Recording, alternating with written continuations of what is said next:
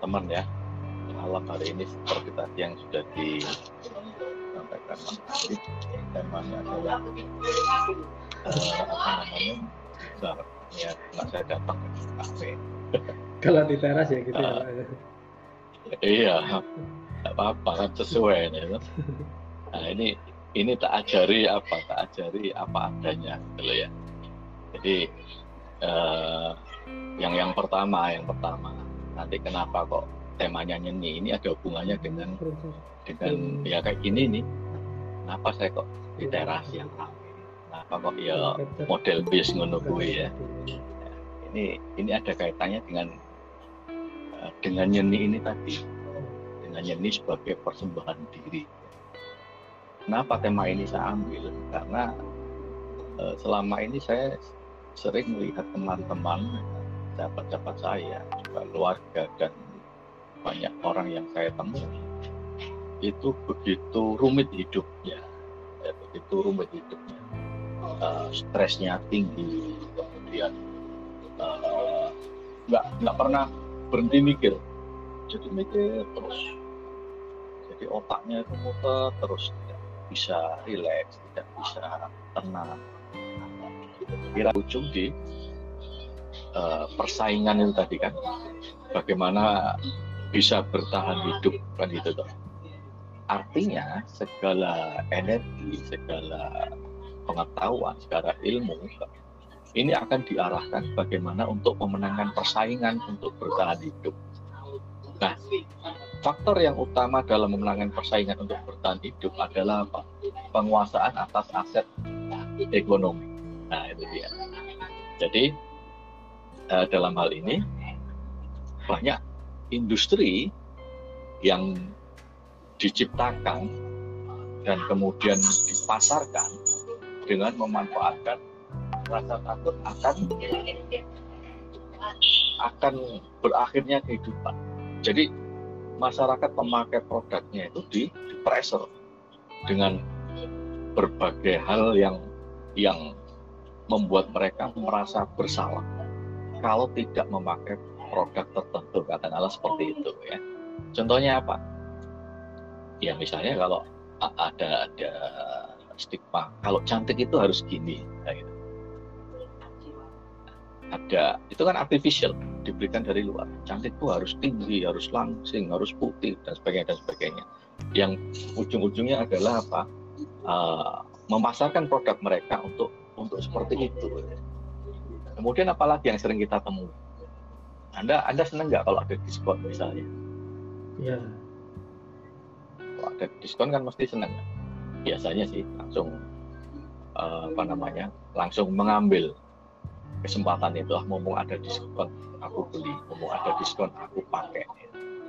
Itu kan juga memanfaatkan uh, mental dari dari apa dari sasaran produk itu. Kenapa?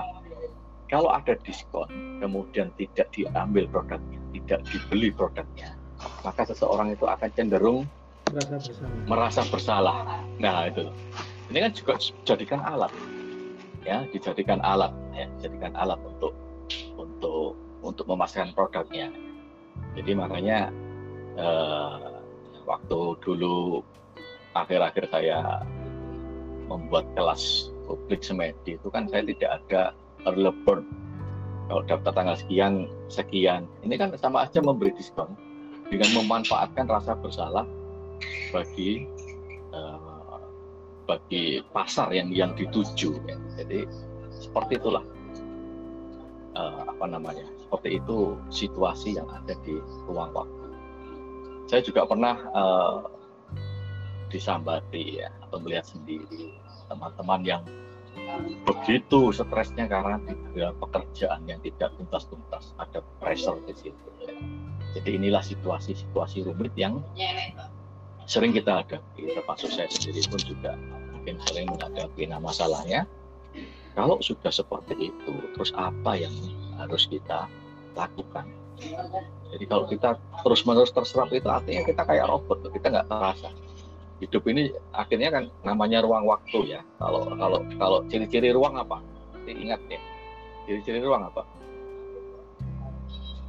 Ciri-ciri ruang apa? Ada batas.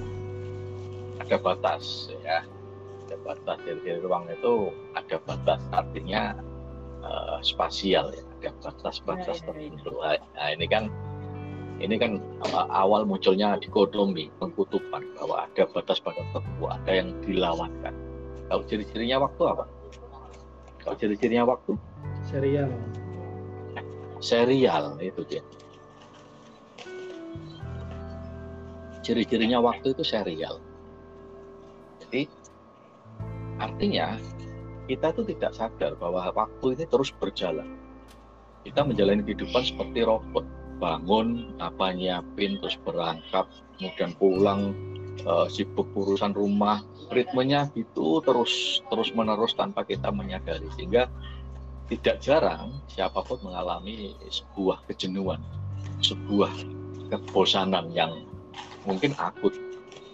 Sehingga dari situ untuk melawan itu semua, eh, sering juga kita, sering juga manusia itu mencari pelarian-pelarian ya. Dia mencari hiburan di luar sana. Ya kalau positif oke lah ya, tetapi kalau hiburannya itu malah merusak ya, sekedar dia melalaikan apa yang harus dia hadapi ya tidak akan membawa manfaat apa pun. Kenapa? Ya saat dia kembali ke rumah, kembali ke tempat kerjanya, akhirnya stres lagi, stres lagi kan gitu loh.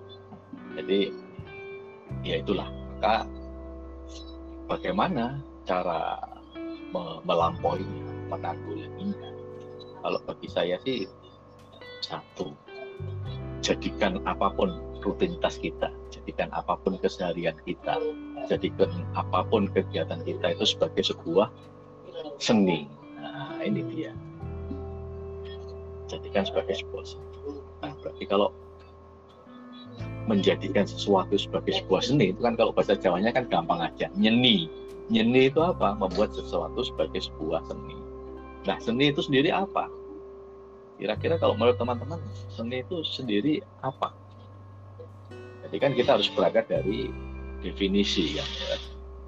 Nah, kalau kita eh, membicarakan sesuatu hal, suatu permasalahan dengan berangkat dari definisi yang berbeda, maka ya tidak akan eh, ketemu nantinya, tidak akan ketemu. Seperti itu. Kira-kira apa menurut teman-teman? Seni itu apa? Cipta. Kenapa? Karya cipta. Oke, yang lain? estetik suatu hal yang indah. Suatu hal yang indah. Oke, yang lain? estetis Estetis ya. Jadi kamu pakai mic kita aja suaranya ada karya cipta oke ya. Seni, nyeni, nyeni itu berarti meng-create ya, meng-create Hah? sesuatu yang indah, Hmm. estetis. bukan itu nih Apakah seni itu selalu indah? itu Nah, pertanyaannya gitu. Kalau seni adalah sebuah estetis ya, apakah seni itu selalu indah?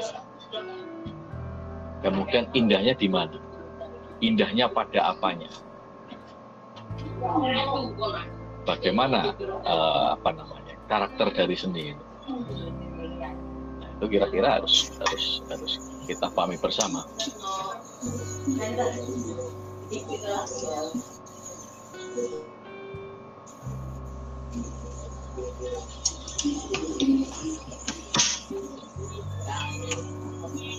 Apakah seni itu harus indah? Enggak juga sih kalau saya. Enggak juga. Gimana gimana? Eh, eh, indah enggaknya itu tergantung bagaimana kita bisa menikmati dan memahami ya. Saya mencontohkan eh, musik itu kan seni, ada berbagai macam jenis musik. Tetapi kalau saya tidak mem- bisa menikmati jenis musik tertentu, buat saya itu tidak indah. Gitu. Jadi menurut saya itu eh, bagaimana kita memahami itu sehingga bisa menikmati sehingga kita oh iya ini indah menurut saya itu Hmm, hmm. Oke oke. Yang lain mungkin?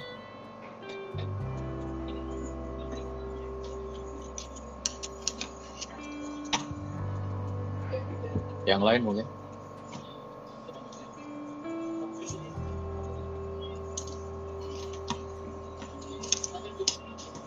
kalau menurut saya pak eh, yang namanya seni itu kan timbul dari cipta dan rasa kita nah Ah, ah. Nah, kalau misalkan dikatakan indah, sudah pasti indah bagi yang menciptakannya. Nah, apakah itu indah bagi orang lain? Nanti tergantung. Makanya eh, sebuah keindahan itu tergantung pada mata yang melihat tadi itu. Atau Oke. apa pun indera yang digunakan untuk merasakan sebuah seni itu. Ya. Gitu. Jadi kira-kira kira-kira berarti kan seni ya ya kayak gitu itu kan gitu lah. Kan kembali lagi kayak gitu. Seni itu apa? Seni itu yang bagaimana? Seni itu ya gitu itu. Nah masalah indah atau tidak indahnya itu kan kembali sebagai sebuah sifat dari suatu seni kan itu. Jadi seni itu menjadi indah, indahnya itu adalah sifat. Saat seni itu bersentuhan dengan rasa kita kan itu. Jadi kalau sudah sifat ini berarti sesuatu yang subjektif sekali kan itu Pak. Subjektif sekali. Nah, kalau sesuatu yang subjektif sekali itu berarti ya masing-masing kita eh, bisa berlainan dalam menghadapi objek seni yang sama. Jadi misalnya ada ada satu objek seni ya, saya memandang, saya merasa indah. Gitu. Jadi eh, anda yang memandang kok nggak ketemu keindahannya kan gitu ya. Jadi seperti itu. Jadi kembali lagi ke, ke, ke diri kita sendiri itu sesuatu yang subjektif ya. Tetapi sebenarnya gini, adakah sesuatu yang tidak indah? Nah itu pertanyaannya. Jadi kembali lagi ke, ke, ke diri kita, adakah sesuatu yang tidak indah kan itu? Ya, artinya eh, kalau kita memahami, merasakan keindahan itu jika ada sebabnya, gitu ya. Artinya kita belum benar-benar menemukan keindahan itu sendiri. Kenapa? Karena keindahan yang kita rasakan masih harus ada sebabnya. Jadi kalau keindahan yang kita rasakan itu masih harus ada sebabnya, itu belum bisa eh, dikatakan kita mempunyai jiwa yang estetis terlepas dari apa pun objek seni yang kita lihat. Gitu. Artinya kalau kita melihat sesuatu itu harus ada sebabnya untuk indah. Nah ini kalau tadi ngomong estetis, estetis itu kan sebuah sebuah stase, sebuah stase kejiwaan yang yang akhirnya memunculkan state emosi, senang, gembira, bahagia melihat sesuatu. Jadi sekali lagi kalau kita melihat sesuatu yang indah itu harus ada sebabnya, maka kalau sebab itu tidak ada, maka kita akan kehilangan keindahan. Rasa dari indah itu dalam hati kita. Ya. Artinya kalau seperti itu, eh, keindahan yang kita saksikan itu masih sebatas hasrat. Ya. Nah, kalau kita mau mentransformasikan jiwa kita sebagai jiwa yang estetis ya, jiwa yang penuh keindahan, maka semestinya di setiap apa pun kita bisa melihat keindahannya. Karena sekali lagi tadi saya saya kembalikan ke awal bahwa eh, suatu seni itu pasti mempunyai komposisi. Nah, komposisinya itu selalu teratur. Selalu teratur. Jadi seni itu ya ya teratur ya acak. Ya. Tetapi seacak apa pun, serandom apa pun, itu kita pasti bisa menemukan keteraturannya. Kalau kita memang mengizinkan diri kita untuk menemukan keindahan di di, di keacaannya. Jadi misalnya gini lah, ambil contoh ya, ambil contoh. Anda suka musik musik itu underground. Mungkin banyak yang nggak suka, mungkin. Ya, mungkin banyak yang nggak suka. Jadi kalau saya sendiri kalau kalau kalau nuruti hasrat, saya nggak suka musik underground. Kan apa sih gitu ya? Kayak sok dirungokno kan, koro-koro kan gitu. Tetapi kalau saya mengizinkan mengizinkan diri saya untuk menikmatinya meskipun saya tidak suka, ternyata keindahan itu muncul. Kenapa? Iya. Dari nada-nada musik underground yang kedengarannya sangat random, sangat acak. Nyatanya juga ada keteraturan komposisi yang berulang. Ah, gitu. Ya. Jadi jadi sekali lagi bahwa seni itu ya, ya gitu itu gitu. Tinggal kita bagaimana bisa menikmatinya. Tetapi kembali lagi uh, pada sebagian besar kita bahwa uh, keindahannya itu adalah sesuatu yang sangat sub subjektif kan bagi kita, sesuatu yang sangat subjektif. Maka kalau tadi saya saya bilang ini sebagai sebuah persembahan, artinya untuk melampaui rutinitas, kebosanan, kemudian apa namanya eh, kebosanan, kejenuhan di ruang waktu. Bentar.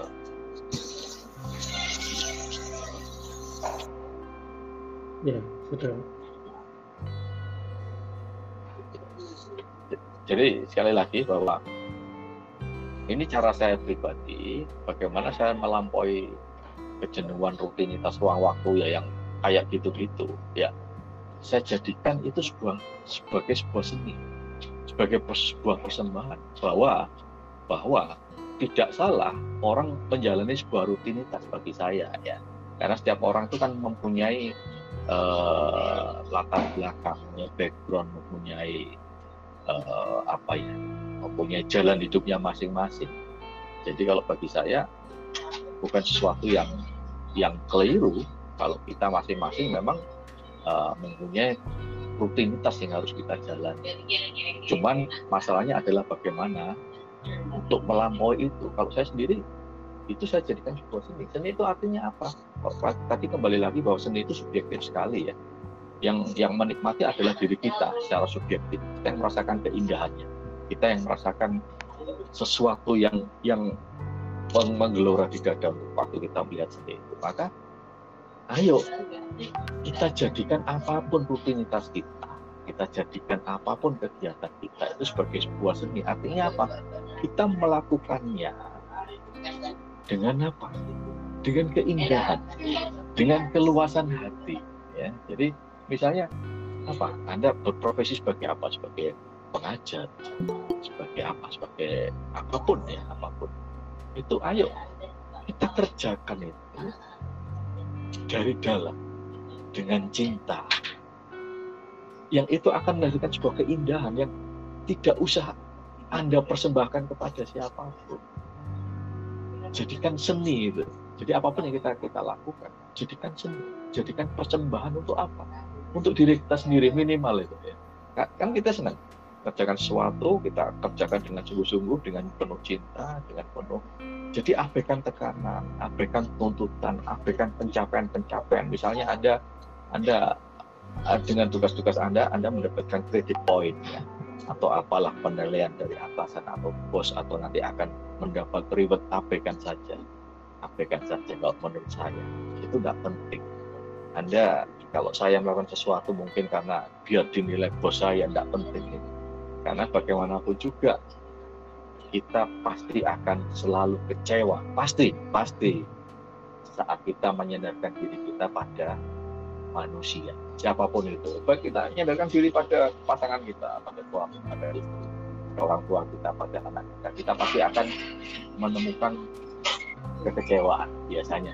biasanya. Maka itu jangan dijadikan hal yang utama jangan dijadikan faktor yang utama dan pertama dalam setiap aktivitas kehidupan kita jangan kalau menurut saya ya apa pun yang kita lakukan sekali munculkan dari hati dari rasa cinta dari rasa senang sukacita kerjakan dengan sebaik-baiknya tidak usah mikir ribet ya, dalam bentuk apa pun ya. Baik dolar ya, maupun apa eh, apa pun lah ya. Tidak usah. Ayo kita kita jadikan itu sebuah seni. Gimana aku rasa aku ngerjain ini nanti waktu selesai hasilnya itu aku punya sebuah kepuasan kebanggaan. Loh ternyata aku bisa loh buat kayak gini. Ternyata aku bisa loh buat yang bagus. Ternyata aku bisa loh buat itu kan sebuah seni. Karena anda bebas berekspresi tanpa mendapatkan tekanan dari siapa pun yang ada di luar. Ya, jadi kalau saya seperti itu. Jadi nyeni itu seperti itu. Artinya saat kita sudah puas kita merasakan kebahagiaan atas karya kita apa pun itu ya apa pun itu. Nanti biasanya orang lain pun juga akan merasakan hal yang sama. Kenapa? Karena hakikatnya kita ini adalah satu jiwa ya. Jadi mungkin kalau anda eh, sebagai wirausaha anda membuat sebuah produk yang anda anda tawarkan kepada halayak ramai ya sebenarnya gampang saja. Anda coba itu produk. Anda. Bagaimana Anda membuat dan Anda bisa menikmatinya sendiri dengan sangat-sangat apa ya namanya senang ya sukacita ya. wah ini pas ini, ini bagus ini dilihat ini ya. jadi kerjakan sesuatu jangan pernah salah-salah jadikan itu sebuah sebuah seni. Sebagai persembahan. Persembahan untuk apa? Persembahan untuk diri kita sendiri. Itu pada pada tahap awal kan? Kita hidup di ruang waktu toh. Nah, hidup di ruang waktu berarti apa audiensnya juga manusia. Nah, manusia itu siapa? Ya, diri kita sendiri. Karena kita mewakili seluruh Anda pegang, Anda lihat, Anda dengarkan. Jadi benar-benar itu Anda buat sebagai sebuah uh, persembahan untuk siapa? Untuk diri Anda sendiri. Anda nikmati. Wah, ini bagus ini. Ini, nah, kalau Anda sudah bisa merasakan keindahan yang dari hasil kreativitas Anda sendiri, biasanya orang lain pun juga akan bisa merasakan keindahannya, akan bisa menikmatinya. Dan nanti pada ujung-ujungnya ya apresiasi kan itu tuh. Tapi itu sudah no record, nggak usah diperhatikan. Nah kalau kita tarik ke ke ke ranah spiritual, artinya sebenarnya kita tidak tidak mempersembahkan apa pun untuk untuk siapa pun kecuali kembali lagi pada Tuhan. Artinya apa pun rutinitas kita elengnya sama Gusti Allah itu. Wah iya. ngomong ini semua juga yang ngasih Tuhan kok. Kita itu loh nggak punya satu persen pun saham kehidupan kita. Karena kita terima jadi sudah seperti ini. Nah, kita terima jadi sudah seperti ini. Jadi kan kita tinggal menjalankan menggerakkan energi kehidupan kita untuk menciptakan keindahan-keindahan. Jadi mungkin mulai selesai selesai acara acara ini mungkin ada mulai berpikir iya aku bisa bisa membuat apa ya? Menciptakan apa yang indah. Jadi tidak usah terlalu jauh langsung aja. Nanti mungkin setelah setelah ini apa kegiatan apa yang anda lakukan? Yaitu persembahkan dengan cinta. Ah, ini aku persembahkan aku buat masak dengan cinta. Kan dicipin sendiri oh enak ya. ya itu pasti orang lain juga anda menulis ya. Jadi apa pun juga jadi orang lain kalau anda sudah merasakan keindahan orang lain pasti pasti bisa. Contohnya kayak gini. Tadi juga uh, apa namanya pagi tadi ini contoh aja nih, saya alami sendiri. Kan saya bisa ngomong karena itu jariku ya jariku. Siapa? Tadi jam 11an uh, ada ngepel gitu ya dari dari sana dari, dari lingkar lingkar interaksi saya lingkar interaksi saya kemudian hari Sabtu besok kan ada empat anggota tahunan yang untuk stop buku 2020 dan karena masih situasi pandemi ya, tidak dimungkinkan untuk pertemuannya secara offline kan jadi online. Nanti menggunakan Zoom.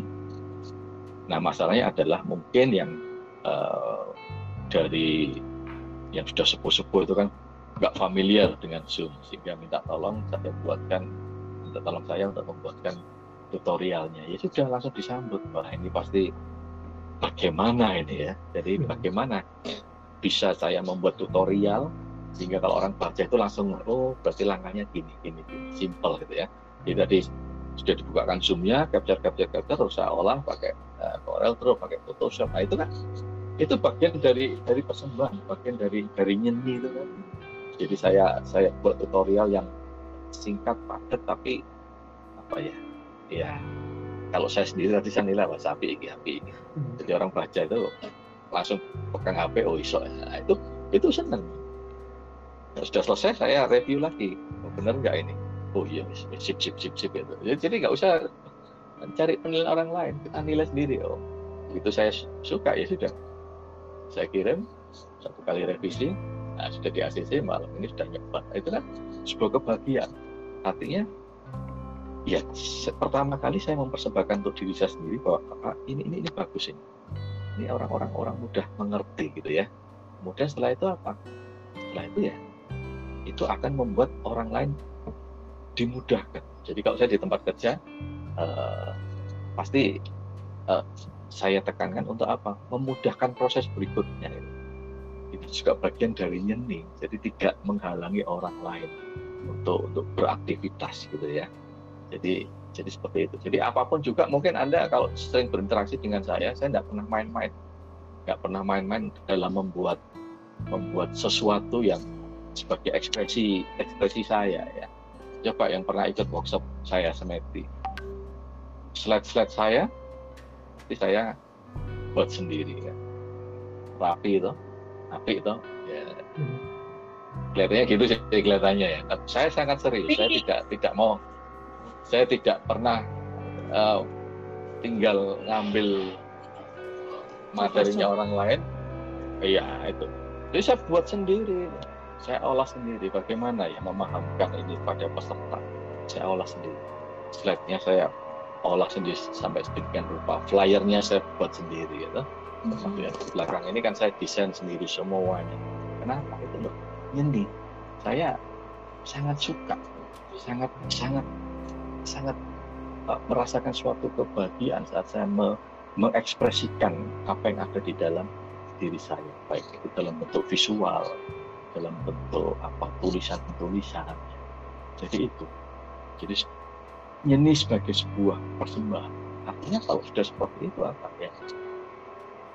Hidup itu menjadi lebih hidup. Kalau biasanya mungkin saya hidup dalam tekanan karena rutinitas uh, ruang waktu, ya, ada pressure, ada target macam-macam, penuh persaingan ya. Nah, dengan saya menyenikan hidup saya di setiap aktivitasnya sebagai persembahan terbaik yang bisa saya lakukan ya, terlepas dari faktor apa pun tanpa tanpa mereka ada reward atau tidak maka saya mengalami hidup saya lebih bahagia gitu. lebih bahagia jadi jadi artinya uh, bahagia itu kan sebuah kesadaran saya pernah nulis juga ya. Jadi kalau saya dengar apa apa bukan dengar melihat tulisan teman-teman itu jangan lupa bahagia itu saya tertawa.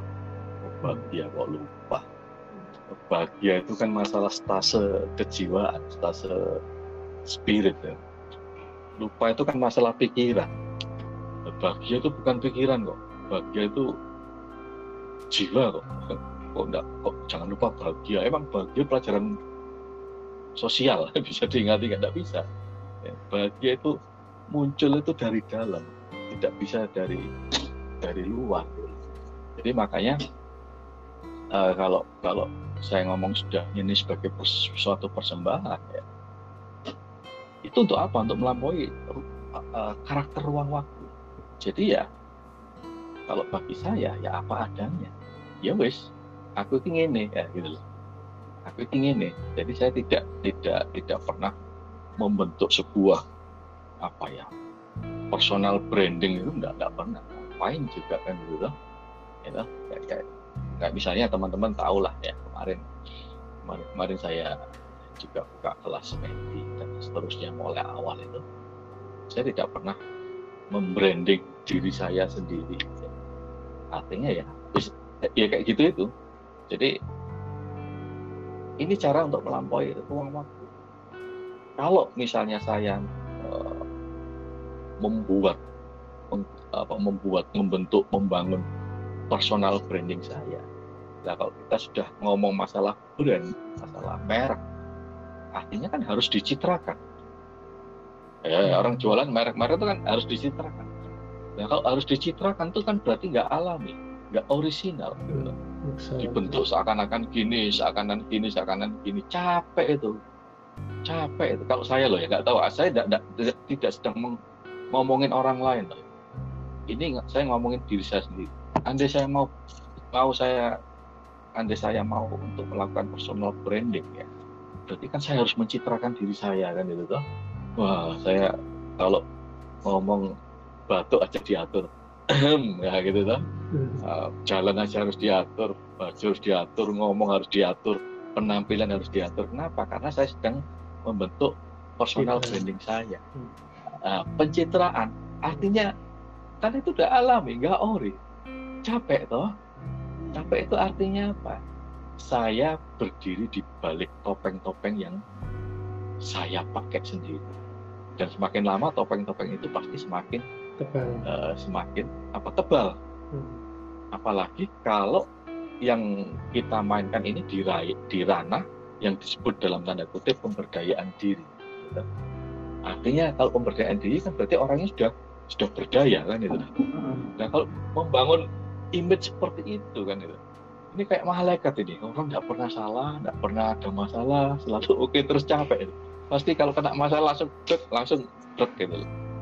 Ya, kalau ngomong harus dicitrakan bahwa saya ini aku iki apik. Nggak ono elek. Kalau membuat kalimat kata-kata harus dicitrakan bahwa saya ini orang yang paling bijaksana sedunia kan gitu. Itu kan personal branding kan gitu loh. Artinya kalau kata-kata itu belum menjadi laku pribadi saya tunggu saatnya. Tunggu saatnya dan tunggu saatnya. Seluruh kata-kata itu akan menagih janji. Nah, itu itu hati-hati ya. Makanya ini eh, kesempatan ini juga saya saya sampaikan artinya apa? Hati-hati. Seluruh kata-kata kita ini akan menagih janji saat kita mengucapkan sesuatu, mengekspresikan atau mencitrakan sesuatu yang itu belum menjadi laku hati kita, laku batin kita, suatu saat kita akan ditagih dengan hadirnya persoalan, dengan hadirnya masalah, dengan hadirnya sesuatu yang eh, diposisikan Tuhan sebagai pembuktian atas apa yang kita ucapkan, kita ajarkan ke orang lain. Ya. Dan pada titik itu biasanya pasti itu awal kejatuhannya. Ya, coba lah lihat-lihat. Ya, banyak kasus kan apalagi di di bidang pemberdayaan diri ya. Kayak kalau saya sih bukan apa-apa bukan siapa-siapa karena kok nggak ada follower dan saya juga nggak nyari follower ya. Nah, coba yang coba anda anda amatilah uh, fenomena sosial di mana seorang trainer yang sudah top ya. Top yang dia membangun bisnis dari itu. Bisnis dari kata-katanya gitu ya. ya coba. Ya ada beberapa yang jatuhnya juga karena personal brandingnya itu ya. artinya pencitraan pencitraan. Jadi ayo. Kalau pencitraan itu kan eh, mengandalkan penilaian dari luar mengandalkan penilaian dari luar jadi ya. Kalau saya sih nggak cocok aku ya segini bilang gitu ya. Besok aneh gitu Nggak saya tut- tutupi aku ya segini bilang biasa gitu ya. Jadi ini sekedar juga pengingat bagi diri saya sendiri agar saya tidak tidak berubah ya tidak tidak berubah untuk ikut-ikutan pencitraan yang yang itu malah semakin membuat saya jauh dari jadi diri saya sendiri ya. Ya kenapa saya bisa ngomong gini loh? Saya terlalu banyak kenal sama orang-orang yang punya masa punya follower banyak. Dan saya tahu eh, apa namanya ya bagus lah. Kayak saya nek ngajar ya cengengesan gitu loh di kelas ya. Dia banyak kenalan dari dulu ya. Nah, itu hati-hati gitu ya. hati-hati gitu ya. Kalau ada masalah paling ya langsung losor gitu. Terus bisa nggak pakai ilmu yang mereka ajarkan kepada orang lain untuk beresi ribetnya sendiri? Bisa nggak? Itu aja pedomannya gitu jadi nggak usah kaya-kaya nggak usah sombong-sombong gitu. jadi kenapa itu terjadi? Karena tidak menyenangkan hidupnya. ya tidak mempersembahkan ekspresi kehidupannya dari rasa cinta ya. Tapi sekedar eh, apa ya, tuntutan dari dunia liar sekedar untuk memenangkan persaingan. Sekedar untuk kebanggaan. Nah itu loh. memenuhi ekspektasi. iya. Memenuhi ekspektasi Ya. orang. Mm-mm. Jadi kan akhirnya kalau sudah seperti itu kan berarti kalau misalnya saya menciptakan personal branding saya yang kuat yang harus gini harus gini. Artinya saya berbuat itu kan orang memandang saya kayak gini ya berarti saya harus berbuat sesuai pandangan orang. oh bagus ini ini kok pencitraannya jadi saya cuma nuruti karepnya orang itu terhadap saya nah itu tidak itu tidak nyeni itu itu industri industri itu kan pesanan ya kayak misalnya katakanlah musik yang idealis itu kan kadang nggak laku karena, karena tidak mengikuti tren pasar kan gitu. Iya. tren pasarnya lagi lagi lagi booming pop kreatif. Nah ini pak anu jenis musik bossa nova wah dia tidak laku gitu. wah ini yang yang tren pasar lagi dangdut. Nah ini masuknya di di apa genre lain yang tidak laku. Jadi kadang seni itu sebuah idealisme juga kalau menurut saya ya. Nah, kalau kalau tren pasar itu industri.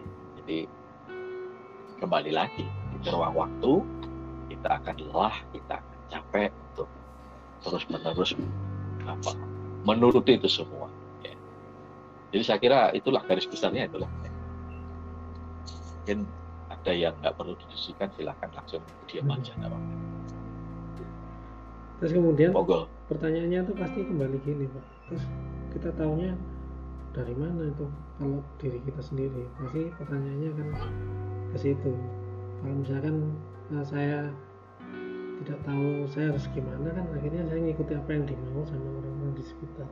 Nah caranya gimana ya Oh. bisa menemukan ini loh diri saya yang sejati seperti ini? Nah, seperti itu gitu maksudnya. Ya itu nggak masalah juga sih nggak masalah juga bahwa kita kan nggak tahu ya kita ini apa yang ini. Ya diawali dari setahu kita apa? Gitu aja. Diawali dari rutinitas kita apa? Gitu aja. Diawali dari keseharian kita seperti apa? Itu saja. Dan itu yang kita kita jalani dengan sepenuh hati dengan dengan seluruh kesungguhan terbaik kita. Tidak untuk orang lain tapi untuk diri kita sendiri. Diawali dari itu. Jadi sekali lagi diawali dari untuk memuaskan. Seni itu kan kepuasan batin. Jadi lakukan apa pun nggak usah terlalu melip-melip kalau mikirnya ya. Kalau saya sih misalnya gini loh, kerjaan rumah ya kerjaan rumah. Eh, anda Anda tinggal di mana? Di mana saja. Kerjaan rumah bersih bersih. Nyaponi latar ya. Tadi kan ada yang di latar mana? Pas Novan di latar ya tadi. Iya pak. Oke. Nah, bersih-bersih rumah itu sudah jadikan sebuah persembahan. Persembahan untuk siapa? Persembahan untuk diri kita sendiri, kepuasan batin. Aku resik ya, resik ya, Oma. Aku nyapu latar resik lah gitu. Cuci piring, cuci baju. Ini kan bagian dari keseharian kita. Nah, itu seni kan. Jadikan sebuah seni. Bagaimana? Lakukan dengan kesungguhan terbaik. Bahwa apa yang aku lakukan tidak untuk apa-apa, tidak untuk mendapatkan reward dari apa pun, dari siapa pun tapi aku lakukan itu dengan kesungguhan terbaik yang aku bisa merasakan kebahagiaannya, kepuasannya gitu. Wah, puas ya. Jadi bersih-bersih bisa bersih ya. Jadi dimulai dari hal-hal yang orang nggak pernah nganggap kan apa sih harus harus apa nyaponi omah nyaponi latar ini kerjaan apa tuh nggak ono prestasi itu jelas loh awali dari situ kesungguhan terbaik gitu. nyuci bisa bersih menata rumah ya kan? kerjakan apa saya dulu saya dulu eh, saya pernah di kontraktor ya. Pernah di kontraktor itu. Itu kan stresnya luar biasa itu ya. Kalau kita hidupnya dari tender itu kan dari tender dari, dari tender ke tender dari tender ke tender. Itu stresnya luar biasa. Apalagi iklimnya Indonesia kan kayak gitu ya. Jadi tender itu ya ya tum-tum lah bagi-bagi. Ya ada yang eh, spesialis susuan dan sebagainya sebagainya. Nah, ini tekanannya luar biasa, tekanannya luar biasa. Terus kalau terbawa arus terus terserap ke situ, ya stres.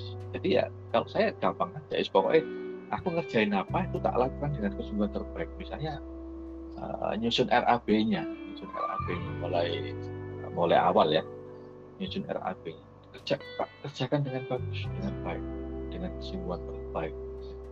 Apalagi dulu itu eh, apa namanya bawa katakanlah lima bendera yang ngerjakan Satu orangnya nggak ada, nggak satu sendiri. Jadi itu ya ringan-ringan aja. Kamu tak buat seneng kok. Eh, ini berarti ini perlu keahlian juga kan gitu toh. jadi komputer tiga itu saya pakai semua komputernya tiga printernya lima jalan bareng semua karena sudah deadline mau masukin tender nah itu saya handle semua pekan semua. Apa ada ribet ya enggak juga. Saya tak mikir itu. Yang penting aku seneng. Wah ternyata aku bisa. Aku bisa kok beresin ini kan? Itu seneng. Saya pernah juga ke ini ke Sangatta ya, waktu awal-awalnya baru dibuka itu ya di Kutai, Kutai Timur kalau nggak salah ya Sangatta saya dari Surabaya saya tok deal. Di sana itu sudah ricu namanya wis pokoknya ngono itu lah kusro ya kalau masalah tender sipil itu ya. Nah mereka di sana kan isunya rahasia KTP yang di luar daerah tidak boleh masuk. Hmm. saya sendiri. Datang pagi-pagi di kantor apa tuh uh, PU itu ya itu sudah ada mobil polisi. Nah, apa nyawa saya rangkap ya enggak Bismillah apa jari. Kesungguhan terbaik gitu eh seneng aja lah Bapak itu kan sebagai sebuah seni jadi itu menyenangkan hidup itu seperti itu. Jadi membuat apa? Membuat hidup lebih hidup. Ya kalau itu nggak saya buat seni stres loh. Ya kan? Yeah. sana sana bawa masa itu ya. Saya cuman seorang didampingi orang sana seorang. Orang lokal sana. Apa gak ngeri gitu loh ya. Gitu. situasinya chaos kayak gitu. Ya sudah nyantai aja nah nyantai sendiri oh, ini ini kemampuan terbaik saya gitu, gitu.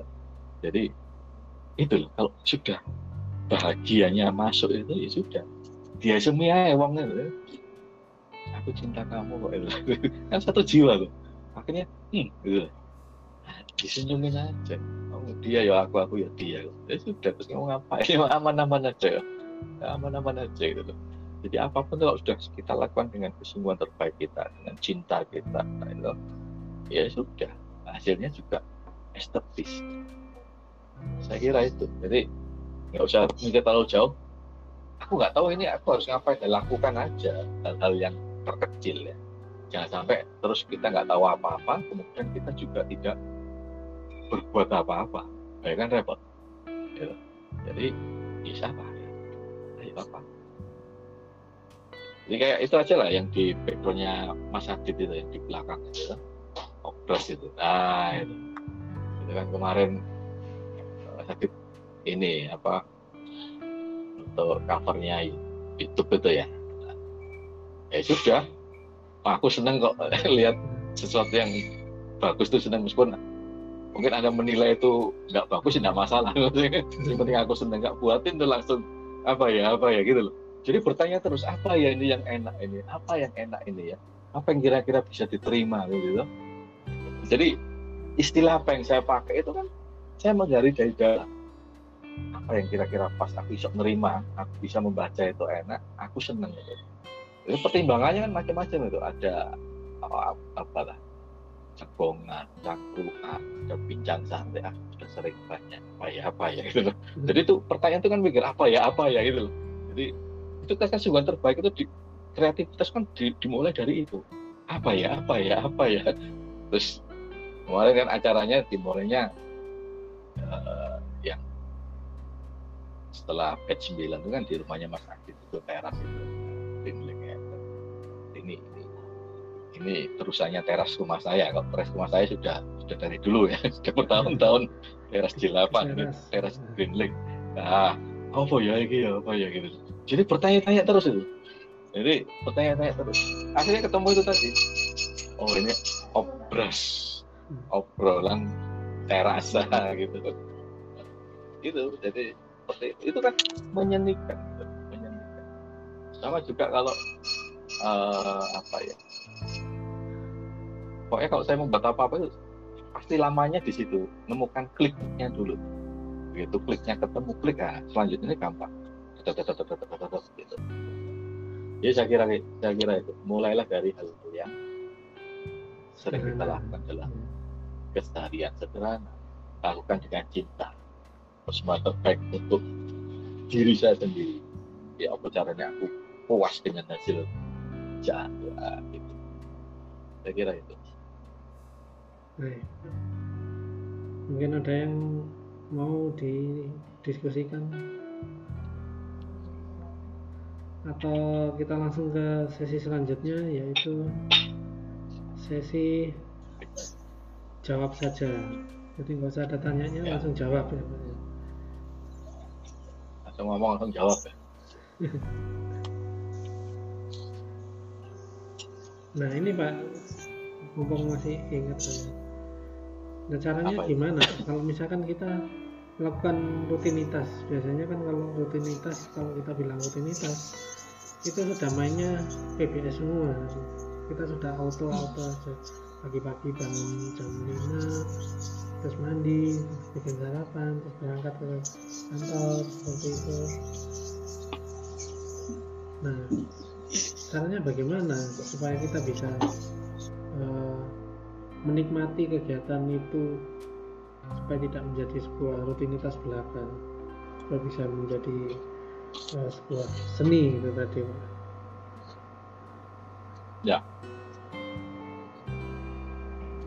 jadi bagaimana cara membuat itu sebagai sebuah seni? Awalilah segala hal dengan makna keindahan jadi seni itu ada ada keindahan itu ada ada dua ya kalau kita ngomong estetis itu ada keindahan yang bergerak ada keindahan yang diam ya. keindahan yang bergerak itu adalah sesuatu yang eh, dinamis yang dengan kedinamisannya itu kita bisa merasakan keindahan. Jadi misalnya gini, lagu, lagu itu kan dinamis. Lagu itu dinamis sehingga apa? Kita mudah untuk untuk untuk eh, merasakan, menikmati keindahannya. Tarian, tarian itu juga- dinamis karena dia tidak diam, kan? dia gerak. Ada waktu yang bergulir. Maka kita juga akan lebih mudah untuk menemukan keindahan. Nah, yang harus kita latih, yang harus kita pelajari adalah bagaimana cara kita untuk menikmati keindahan dari sesuatu yang diam, sesuatu yang tidak bergerak, kan gitu loh. Nah, itu PR kita bersama. Biar nanti kita melihat apa pun bisa menangkap keindahannya. Kalau yang diam saja kita sudah bisa menemukan keindahannya, gitu. Maka saat sesuatu bergerak, kita akan lebih mudah menikmati keindahannya. Contohnya yang diam apa? Ya lukisan. Kalau misalnya itu sebuah karya seni, lukisan itu kan diam. Dia enggak terus waktu kita lihat terus dia melotot gitu kan enggak mungkin. Kita waktu kita lihat lukisan, lukisan gambar orang terus dia apa menjulurkan lidahnya enggak mungkin. Hmm. Jadi diam, amati aja keindahannya. Tapi nggak usah juga objek seni katakanlah. Anda ambil apa pun ya, Anda ambil apa pun, ambil ambil cingkir gini, saya lah kalau latihan gitu jadi kayak rodo edan gitu ya gitu, gitu. udah diem aja di, dinikmati diem aja dinikmati temukan keindahan karena keindahan terletak di komposisi keteraturannya jadi apa pun yang punya komposisi keteraturan itu pasti indah kalau anda mau menemukan kan gitu kan nah, gitu Diem. nanti ketemu keindahannya muncul itu anda akan-akan seperti tertarik, terus kontak, kontak. Makanya kalau di rumusnya simetri kan, ayo kita biasakan hening. ya. Nah ini juga bagian dari hening, memandang sesuatu yang diam untuk menemukan keindahannya. Kan itu.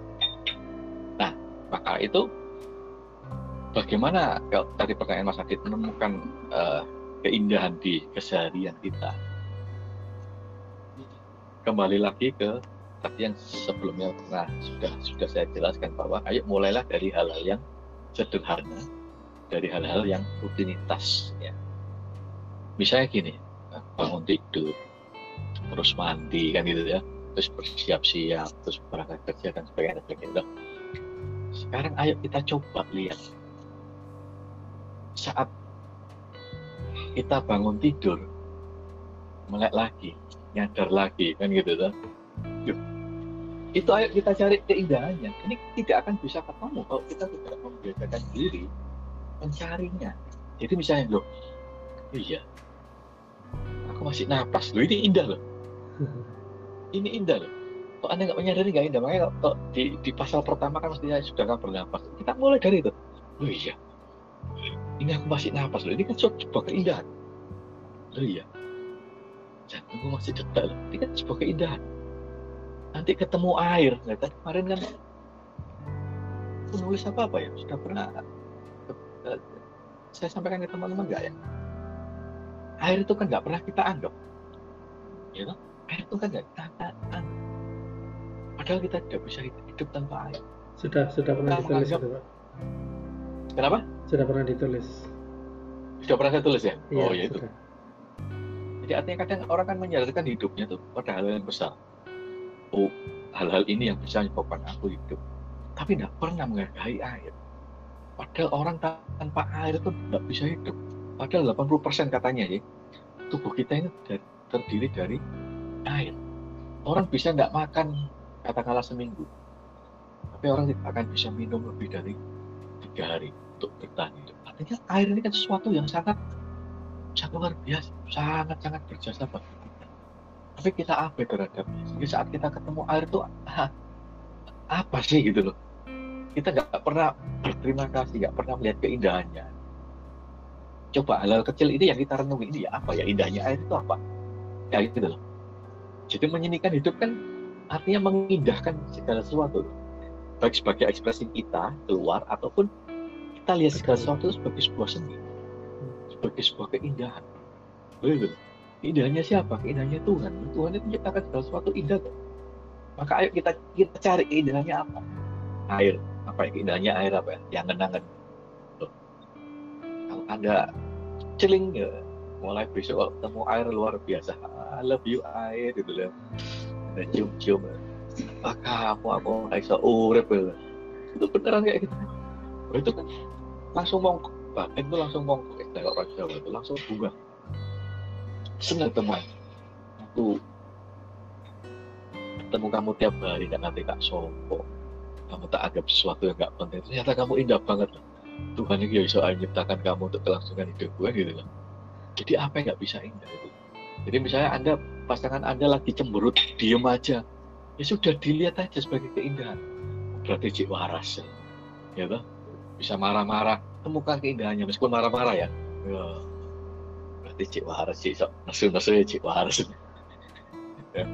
Ya, kalau kalau sakit kalau anak kan sudah nggak bisa marah. Jadi sebenarnya apa pun itu ada keindahannya. Coba misalnya anda beli onde-onde gitu aja coba dilihat saya kalau lihat onde-onde juga bingung kok iso ya orang menciptakan onde-onde ah, dari mana idenya itu ya? terus kalau berpikirnya linear kan ya oh caranya caranya nata wijennya satu-satu nempelin gitu-gitu ya Yang oh, orang ganjil Amerika yang bingung enak. ya. Emang Ah. ada di ganjil yang enak. Asik. jadi seperti itu jadi ayo hal-hal kecil tuh kita gali keindahannya kita biar hidup kita itu nggak monoton gitu.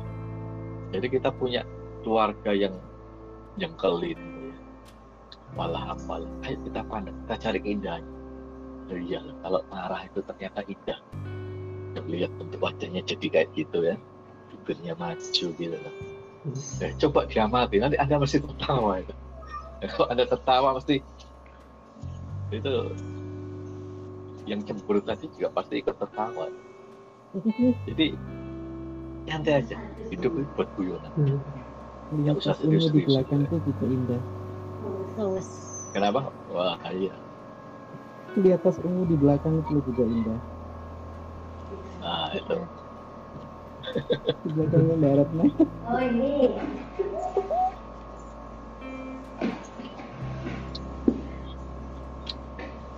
jadi saya kira itu makanya kalau orang Jawa itu kan prinsipnya apa Eh, memayu ayuning pawon Hmm. memayu ayuning pawon itu? memperindah ke keindahan semesta bahwa Hmm. semesta ini diciptakan sudah dalam kondisi indah. Tinggal kita bagaimana lebih memperindah, memperindahkannya lagi. Jadi orang Jawa dan prinsip-prinsipnya luar biasa itu. Mayu hayuning bawon itu sudah selesai itu, manusia selesai. Hmm. Saya kira Berarti- itu. Iya, berarti semuanya itu sebenarnya indah ya Pak ya. Cuma kita belum bisa melihatnya aja. Kita Iya. Belum bisa melihat. Maka, karena kita masih terjebak pada hasrat sih ya.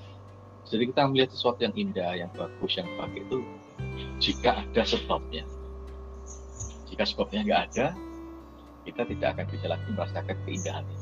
Ini kan yang harus kita ngolah rasa kita untuk naik bahwa di segala sesuatu ciptaan Tuhan itu pasti ada keindahannya pasti ada makna yang bisa kita temukan. Terus lah, coba nanti jangan angan apa ya indahnya apa ya indahnya apa. cari terus apa ya apa ya gitu kan. Anda berbuat sesuatu membuat sesuatu apa ya apa ya. Beda aku senang beda aku puas gitu. Mas Bagus, saya kira itu. apa eh, tanya ya. Mas Adit aku tanya. Iya, monggo. Eh, itu berarti sebetulnya perasaan ilfil gitu tuh sebenarnya karena kita sendiri ya, bukan sebetulnya tidak, tidak perlu ada itu ya. Iya Mas, begitu ya? Aku kayak Eh, ilfil ya gitu nah kayak gitu. Kalau jariku sih bukan berarti tidak perlu ada tetap harus ada karena kita memang manusia. Kayak gitu ya gitu loh ya kan? jadi bukan berarti tidak tidak tidak boleh ada. Tidak apa-apa ada. Cuman itu harus kita sadari bahwa itu adalah ciptaan saya sendiri gitu.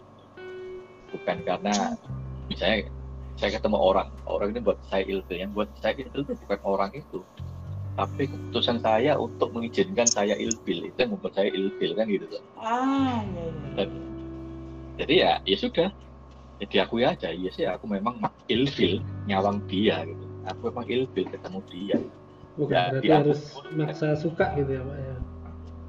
iya nggak usah maksa suka. Itu berarti perlawanan. Artinya iya sih aku masih ilfil lihat. aku masih ilfil ketemu dia ya sudah nggak apa-apa. Ya Itu kita ya sadari. Oh, ya. itu adalah bagian dari kita. Nggak usah kita tolak. Tapi kita menyadari bahwa itu bukan kita kita aja itu itu aku kok itu sebatas rasaku. Kalau sudah gitu kan sudah selesai loh. Hmm. Iya iya iya. nah nanti nanti saksikan keindahannya. Kenapa kok kita ilfil melihat dia? Oh karena gini gini gitu kan. Pikiran mesti ca- cari argumen ya kan?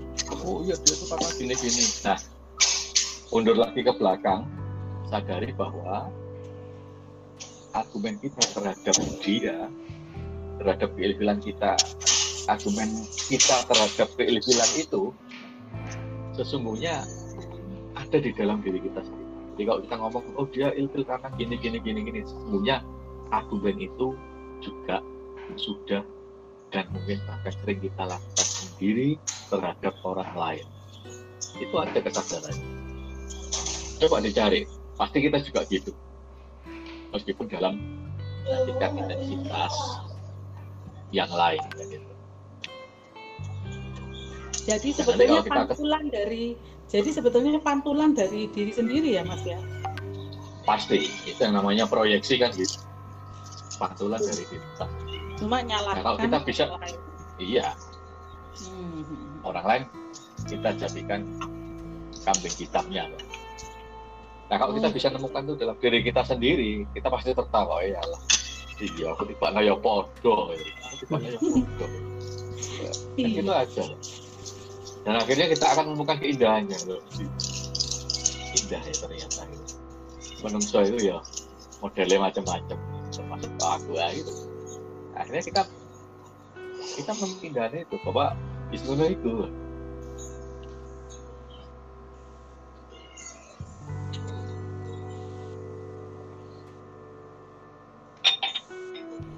Oke oke makasih Mas Bagus. Me- mengingatkan kembali bahwa itu adalah pantulan diri sendiri. Pak Bagus. Ya. Udah. Jadi eh, mohon mohon eh, kalau saya salah mohon dibenarkan. Jadi kalau dari penjelasan tadi eh, bisa disimpulkan. Jadi nyeni it- dikatakan nyeni itu apabila kita itu bisa menjalani semua apa aktivitas kita itu eh, dengan hati dan kita bisa menikmati begitu jadi. ya jadi ya intinya bisa disimpulkan juga seperti itu kita sekali lagi bahwa bagaimana cara kita nyeni adalah kita melakukan segala hal sebagai persembahan yang bisa kita nikmati sebagai kepuasan batin kita sendiri. Itu intinya. Tanpa mengharapkan reward apa pun dari mereka yang di luar diri kita. Nyeni jadi kita bisa menikmati keindahan kita sendiri. Kita bisa menikmati ekspresi kita sebagai sebuah keindahan. Itu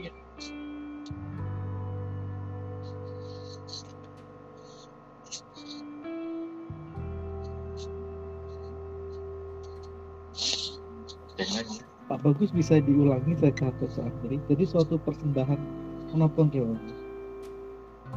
Dia permisi. Jadi gini, secara lebih, lebih mudah, eh, nyeni itu suatu ekspresi lahir, ya, suatu ekspresi lahir, ya, suatu ekspresi batinnya, dan kita bisa merasakan keindahannya sendiri. Nah itu.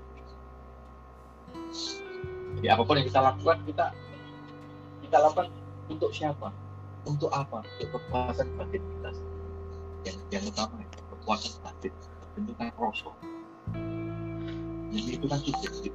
Nyanyi itu bukan pada wujud, wujud fisik, tapi rasa pada rasa. Rasa yang apa? Rasa yang subjektif. Jadi nyanyi itu apa? Apa pun yang kita lakukan, apa pun yang kita create, yang menimbulkan rasa senang, rasa bahagia, rasa indah dalam jiwa kita sendiri. Deskripsinya itu, Jadi, intinya gitulah ya.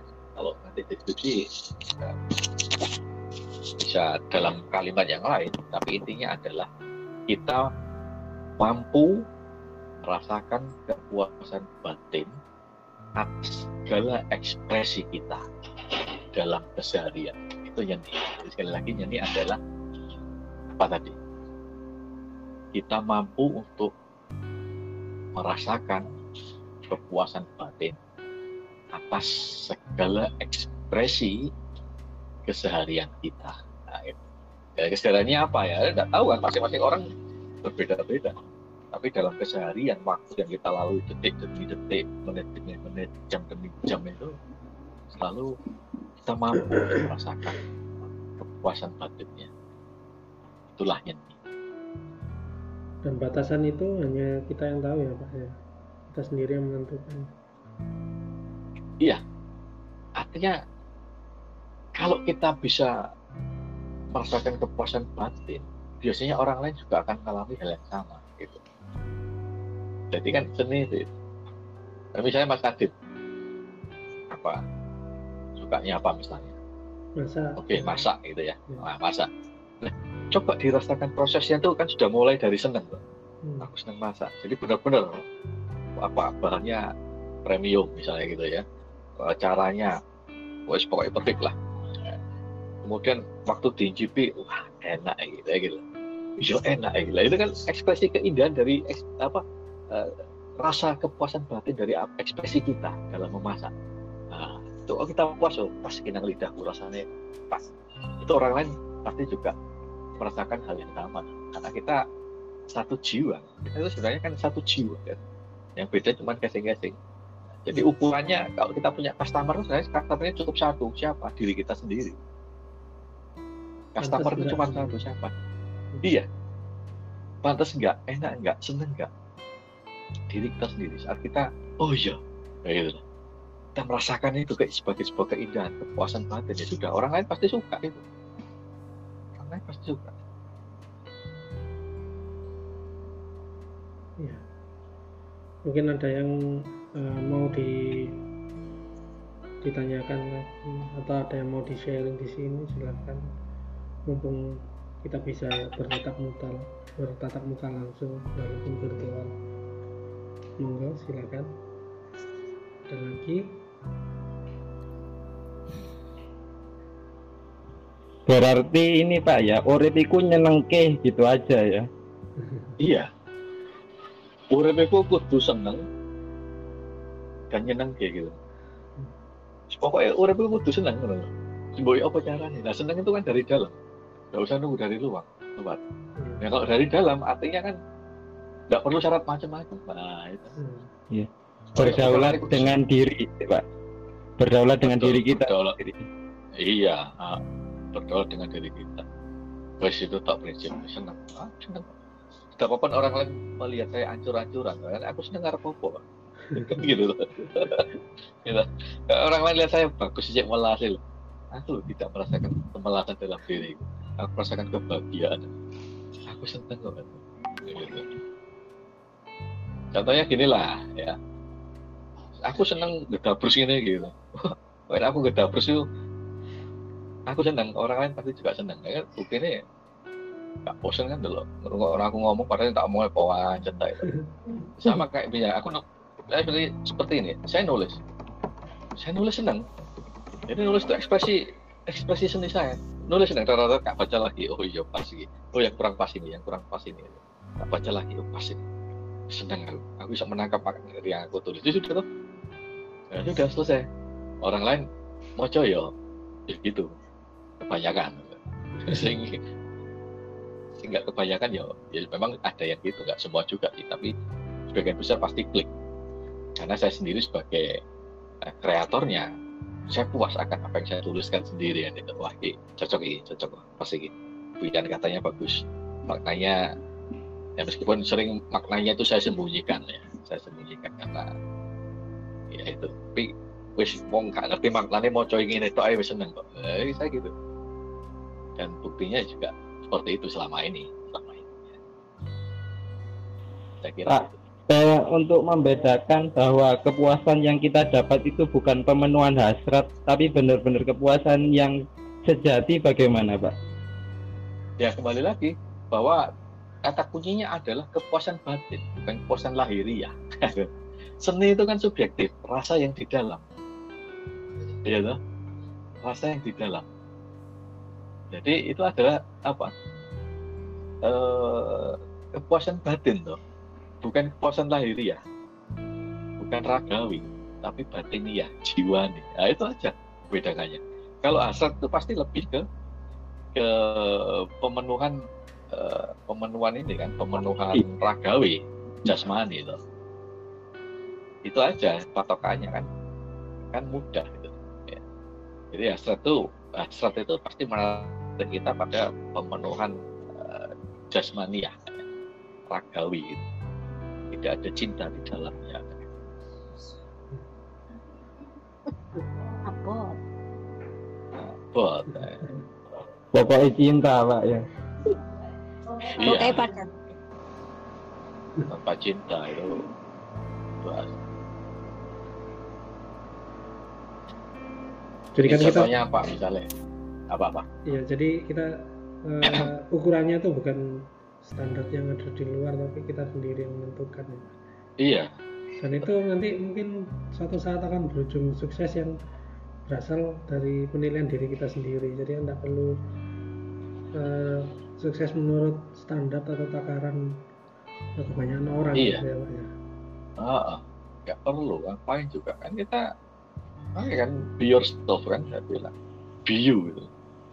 Ya, ya, jadi jadi diri kita sendiri nggak usah meniru yang lain. Ini ya segini makanya makanya kan gini. Eh, sekali lagi kalau kalau kalau ini ada hubungannya dengan dengan ilmu dan laku ya. Saya kan juga pernah sharing bahwa eh, setiap laku biasanya berbuah ilmu. Tetapi kalau ilmu belum tentu menjadi sebuah laku, kan gitu. Artinya apa? Nggak usah kebanyakan teori, kayak gitu lah. Eh, Bukan berarti teori tidak penting ya. Teori itu penting sebagai eh, wacana, eh, sebagai landasan eh, fondasi dari dari keyakinan kita. Tetapi kalau anda sudah belajar banyak teori, sekarang adalah waktunya praktek menjadikan segala teori itu sebagai sebuah laku. Nah kalau cuma ngumpulin teori terus terus terus ngapain? Terus buat apa gitu loh? Terus untuk apa? Apakah itu bisa bisa memicu pertumbuhan pertumbuhan diri kita gitu. Nah, makanya kalau sudah belajar banyak teori, ayo sekarang waktunya menjadikan itu sebagai sebuah lagu agar apa? Agar nanti kita menemukan teori kita sendiri berdasarkan lagu yang kita alami sendiri kan itu. Apakah itu keliru? Wah, menurut saya tidak keliru. Kenapa loh? Sekarang adanya teori itu dari apa? Dari mana? Munculnya teori itu dari apa? Dari mana? Kan dari hasil pengamatan. Hasil dari pengamatan perilaku ya. Baik sampel ataupun populasi. Kemudian di statistik diformulasikan ketemu oh teorinya gini. Ini kan hasil pengamatan. Nah sama aja. Nah, sekarang kalau saya dari dulu aku cinta amati gak wong liya, aku ngamati aku dhewe. Oh, kalau gini tuh aku gini. Kalau gini aku gini kan langsung laku. Saya langsung laku. Diri saya langsung saya jadikan laboratorium penelitian untuk kesadaran diri saya sendiri. Akhirnya saya niteni, oh kalau gini maka gini. Kalau gini maka gini. Ya, saya nyusun teori sendiri toh.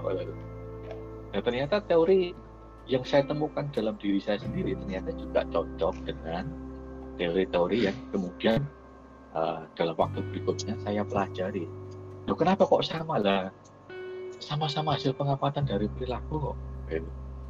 Jadi, ayo kalau yang sudah banyak teori, sekarang waktunya mempraktekkan, mengamalkan, memanifestasikan, mengejawantahkan sebagai sebuah lagu agar apa? Agar dari lagu itu Anda akan menemukan teori Anda sendiri. Jadi misalnya gini lah, misalnya gini. Kalau Anda belum melakoni, Anda tidak akan mungkin bisa untuk menjelaskan, menerangkan, uh, mencari solusi atas sesuatu. Ya. Saya mengumpulkan teori A, B, C, D dan seterusnya dan seterusnya. Suatu saat saya membutuhkan uh, membutuhkan solusi atas problematika yang saya alami ataupun mungkin problematika yang dialami oleh orang lain. Bagaimana saya mengatasinya? Ya saya kan berarti kan ngambil teorinya ini, teori ini, teori apa ya caranya? Ada nggak itu? Nah, teori-teori ini, ini loh, kalau gitu itu caranya gini, seret gitu ya. Ini kan dari teori-teori. Kalau masalahmu gitu caranya ini loh. Ah, itu. Saya ngambil dari teorinya orang lain, ini loh, praktekkan ini. Apakah efektif? Tidak tahu. Apakah efektif? Tidak tahu karena apa dari teori itu saya belum pernah ngelakoni sendiri. Masalahnya dia saya belum pernah menjalani juga. Berarti kan saya cuma menyodorkan sebuah teori untuk dia pakai. Sedangkan saya belum pernah memakai teori ini untuk saya pakai sendiri. Nah beda dengan kalau misalnya ini ada problematika baik diri saya maupun uh, maupun untuk orang lain. Saya punya teori ini tapi teori ini sudah pernah saya jalani artinya oh ya ini bisa pas buat nah, gitu beda lagi kalau misalnya dari perjalanan yang lalu saya niteni awak EDW niteni awak UDW kemudian saya membuat sebuah teori tentang diri saya sendiri. Akhirnya waktu saya mengalami problem yang sama saya tidak perlu bingung-bingung mencari teori yang di luar no? karena sudah membuat teori berdasarkan penelitian saya pribadi. oh, aku dulu pernah gini kok cara ngatasinnya apa? Oh gini. Nah, gampang. Kenapa? Karena saya sudah mempraktekkan saya sudah melakukannya. Orang lain punya problematika yang sama. Saya bilang tuh aku di sini nanti kok gitu. Saya dulu pernah kayak gitu. Caranya gimana? Ini nah ini saya sodorkan ke dia. Eh Latonono ini. Itu akan lebih mudah ya. Lebih mudah itu dalam arti ya lebih pas lebih sinkron lebih klik. Saya kira itu uh, Pak Bagus? Uh, izin Mas Adit? Iya, Iya.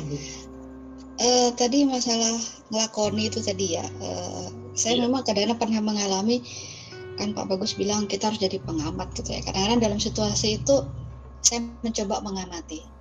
Terus yang muncul itu malah uh, aku aku saya yang lain gitu. Contoh ada situasi begini ada suara gitu ya. Uh, ngamuk gitu. "Eh, ini, ini, ini." terus ada nyaut sendiri gitu loh. Dan saya di antara di antara aku aku itu jadi saya kira tuh saya sekarang oh ini mungkin yang dimaksud uh, Pak Bagus sebagai observer. Sehingga akhirnya folder-folder kalau bahasanya Pak Bagus yang ada dalam diri kita tuh keluar gitu loh. Eh, kalau di sampai tahap apakah saya bisa ngeguyu saya sendiri belum sih. Cuma saya mumet dengar suara aku aku dalam diri saya gitu ya. Ternyata saya tahu ada aku saya itu yang satu nggak percaya diri. Terus ada aku yang gampang ngamuan. Terus kalau bicara ikhlas jujur kadang-kadang melakukan sesuatu masih pengen ada rasa disanjung nah itu biasanya udah muncul begitu itu mereka saling saut-sautan sendiri gitu loh. Eh, tapi itu memang akhirnya membuat saya eh, bisa lebih memahami oh ya rosone itu koyok gini gitu loh. Jadi saya mesti seperti apa. Tapi kalau ditanya apakah saya sudah bisa tanda kutip mengendalikan itu belum saya hanya Nomor seperti Pak. Gugus bilang ya udah terima aja dulu. Jangan dilawan. Gitu. Kalau saya dulu kadang-kadang yang saya rasakan saya pun tidak menyadari kalau ternyata ada aku sayang pemarah. Pokoknya harus ngamuk-ngamuk aja terus hajar bleh gitu. Nah sekarang saya sudah ngomongin oh ya dalam diri saya itu ada ini dan biasanya mereka saling saling berdebat saling ini sendiri sih. Dan saya sebagai pengamat oh, oke gitu aja sih itu sih Pak. Jadi eh, ya sharing aja sih eh, apa yang saya rasakan pada saat saya apa ya eh, kayak mecah gitu loh Pak. Kayak amuba itu bisa memecah. Jadi ada saya dan ada saya saya yang yang lain yang kadang suka umek karpe dewe seperti itu Pak. Bagus. Ya alhamdulillah itu kan berarti sebuah kemajuan. Artinya kalau sebelumnya itu tidak pernah menyadari karena waktu marah ya menjadi si marah waktu sedih menjadi si sedih. Iya nah sekarang kan berarti bisa mundur satu step ke belakang. Iya. Yo, Iya. ternyata itu ada aku yang pemarah ada aku yang nah, itu kan sudah lumayan bagus tuh iya iya Ya, kalau iya. sebelumnya kan enggak gitu. Artinya kan oh iya ternyata aku itu kayak gitu tuh nah itu kan sebenarnya bisa dijadikan tertawa. Nih ala ternyata aku Kan yang dulu. ngono gitu gitu loh iya Iya. kan lucu tuh wah Iya. Iya, jadi ada Ya, dalam gitu. situasi sekarang tuh saya kayak merasa itu tutup aku, jadi kayak bisa mem- membelah diri gitu ya. Terus akhirnya jadi iya terus tapi suaranya ngomong tapi semakin saya bisa mohon maaf mungkin saya belum bilang saya bisa full hadir sebagai observer tapi akhirnya saya malah sering lebih sering mendengar ak- banyak aku dalam diri saya itu itu sih uh, ya dan saya berusaha untuk tidak menawan dulu ya diterima diakui itu adalah saya juga gitu. Tapi ya bukan berarti membenarkan itu menjadi sesuatu. Karena kadang-kadang memang ada yang aku yang jahat banget uh pikirannya suaranya tuh sarannya itu kadang sangat ekstrim gitu. Nah terus aku yang nggak pede aku kamu tuh ngapain sih? Jadi kayak dalam diri saya tuh kayak ngomong dewi gitu. Jadi ya ya jujur kadang-kadang rasanya pusing sih. Tapi ya saya jalani aja proses ini gitu tapi yang paling saya senang ya benar sih Pak Bagus bilang paling tidak dalam suatu tertentu saya tidak hanyut sebagai aku yang pemarah tapi saya mulai bisa mem- membelah diri untuk hadir menghadirkan aku yang yang lain gitu. Gitu sih. ya seperti itu. Saya juga sama kok kayak gitu. Oh, ternyata aku ini joblek gitu ternyata. Itu Iya, iya, itu iya. Gak dulu ya gue jadi ya itu jadi lucu tuh kayak aku tok terus terus aslinya ya podo ya gitu lah Iya. dalam situasi seperti itu ya makanya kan saya bilang nah gak usah pencitraan lah elek ya elek sakri ini ini bagus ini ini gitu. Iya. dalam situasi seperti itu mungkin ya memang eh, bukan hal yang mudah untuk mendamaikan semua suara-suara yang saling berujuk rasa kan berlomba-lomba ingin men- mendominasi ingin muncul dan sebagainya sebagainya Iya, iya. nah kalau kalau eh, siasat saya itu kan harus disiasati juga. Gitu. ya cara saya cara saya saya mudah sih. Saya tinggal menyulut dupa aja dupa atau dupa dupo. Aku karek nyumet dupo. Saya duduk diam saya sumet dupo saya dan saya nikmati apa asapnya dupa itu saya hirup dalam-dalam. Ya ya anda anda mungkin eh, bisa pakai cara yang lain ya dalam arti ya nggak harus dupo ya mungkin anda lebih dari dupo menyan gitu ya jadi ya artinya gini Sate aja enak ya. uh, asap sate gitu ya. Jadi artinya gini, artinya gini. Eh, pakailah aroma, pakailah aroma. Aroma apa? Aroma kelek. Aroma ya, aroma kelek. Eh, eh, boleh. Aroma kayak elek kan gini kan yang dinikmati gini lah gitu ya kan nggak mungkin kan pembicara nak sing ngene kayak aku ini kan ya, ini kan apa adanya gitu Iya, nggak mungkin ada pembicaraan lain yang rada berani kayak gini ya. ya. Nah, roda jijik-jijik itu nggak nggak mungkin ono ya. Jadi, karena, karena saya sedang tidak sedang membentuk personal branding saya, saya apa adanya gitu. Artinya Anda bisa pakai aroma. Kenapa aroma? Nah, ini rahasianya. Kalau saya pakai aromanya saya pakai dupa ya. Anda mungkin bisa pakai parfum atau apalah. Pokoknya jangan pakai lem ya. Nanti mabuk. Ngelem. Lem iPhone yang kone ngelem itu nanti ya. Kalau sekarang Jadi artinya pakainya hand sanitizer. Oh iya, hand sanitizer ya. Iya, yang yang keras itu ya, buat sendiri bisa sih. Minyak kayu Alkoholnya 90 persen. ya, minyak kayu putih dan sebagainya. Artinya gini, kenapa kok saya sarankan pakai aroma ya? Ini jiwa kita ya ini ini kembali lagi ke ke hierarkinya ya hierarkinya kan badan ragawi kemudian apa lingkungan, badan, ragawi ya, kemudian jiwa, ruh ya. Ruh. Nah, ruh ini unsurnya adalah unsur udara. Unsur udara ya. Karena itu seluruh jiwa-jiwa yang ada di dalam diri kita itu sebenarnya unsurnya juga sama. Dia lebih dominan dominan ke unsur udara, unsur angin. Maka eh, mereka lebih mudah disapa lewat udara. Dalam arti apa? melalui indera pernapasan, melalui aroma. Eh, kalau NLP apa aroma itu? Olfactory, Olfactory. malah itu olfactory ya, Iya. submodalitasnya apa itu? Olfactory ya. Jadi seluruh jiwa-jiwa yang orang bilang itu apakah itu ego state atau itu personality atau apa pun lah ya, introject atau apa pun. Kalau saya ngomongkan itu jiwa kawi gitu ya, jiwa tumbuhan. Itu akan akan lebih mudah disapa melalui aroma. Jadi begitu ada aroma sudah dihirup toh pasti diem deh yang di dalam itu. Oh, Dia mulai reda dia. siap, siap. Nah, kalau sudah mulai reda kan enak kita tinggal mimpin rapat ya. Jadi keputusannya jadi tarik keputusan. Jadi ya, ya. jadi keputusannya kamu diem ya, kamu diem, kamu diem, kamu diem. Ojo macam-macam, ayo kerja sama sama aku. Ya. Budi, Oke. nah gitu. Ya. Oke, sentuh oke. lewat lewat aroma itu itu saya caranya gitu Iku lapo iku? Mas Adit. Pakai kacamata. Nakal kan? jadi Iya kan? gitu Siap. Oke. Ya, ya. Halo kakak Retno. Halo, Sista. Sista. Kangen rek? Iya, ayo Mbak Mi yuk. Oh iya Sabtu eh, Minggu ya Mas Bagus. apa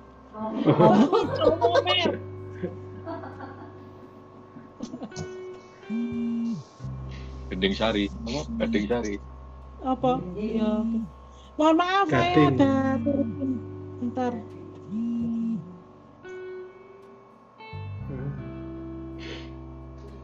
Ini Pak.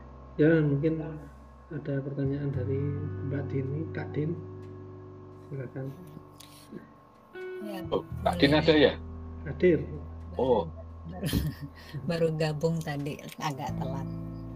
oh Eh, lagi menyimak dulu. Eh, mau nanya, Mas bagus.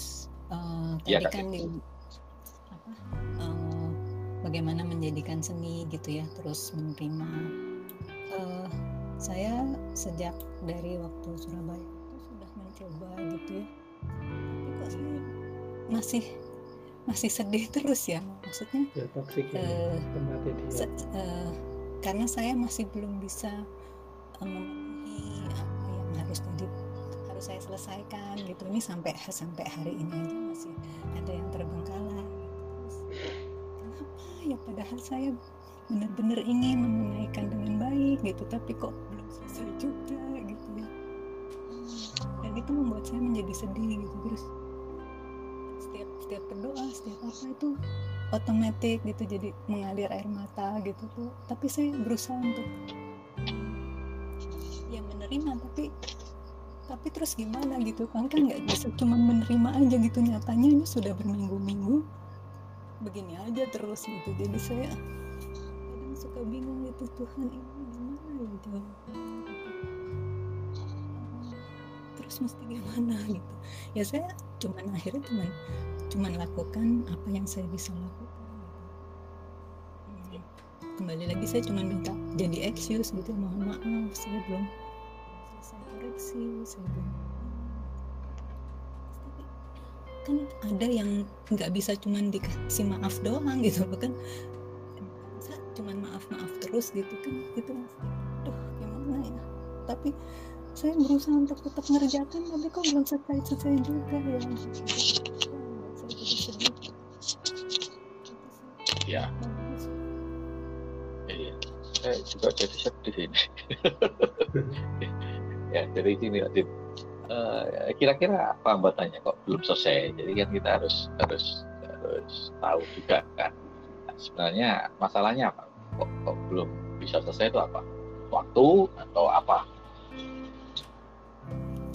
Eh, iya kayaknya dalam dalam di setiap waktu ini begitu banyak yang yang harus diselesaikan harus dihadapi gitu. Ada yang eh, ada yang harus urgent gitu ya emergency langsung gitu sehingga yang yang padahal udah lebih dulu gitu tapi sepertinya ternilai sebagai tidak priority. Maksudnya tidak urgent tidak harus selesai hari ini juga jadi ter, di- saya tunda gitu kan saya belum bisa misalnya kayak ini gitu. Bentar kemarin saya udah malam kayak gini baru selesai terus mau coba lanjutkan ke yang lain udah gempor gitu udah udah saya nggak nggak kuat lagi gitu. Terus saya udah udah nyalakan alarm tapi begitu pagi loh kok alarmnya?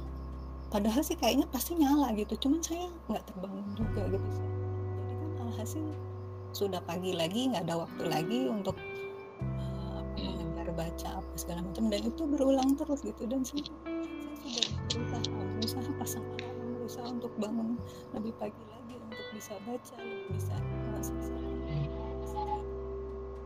tapi tapi begitu aja terus gitu. Jadi jadi ini ini artinya apa sih gitu? Saya berusaha untuk mengerjakan tapi kok nggak mampu ya belum mampu gitu. Jadi ada guilty ada sedih. Marah sih enggak Ya. gitu. Ya.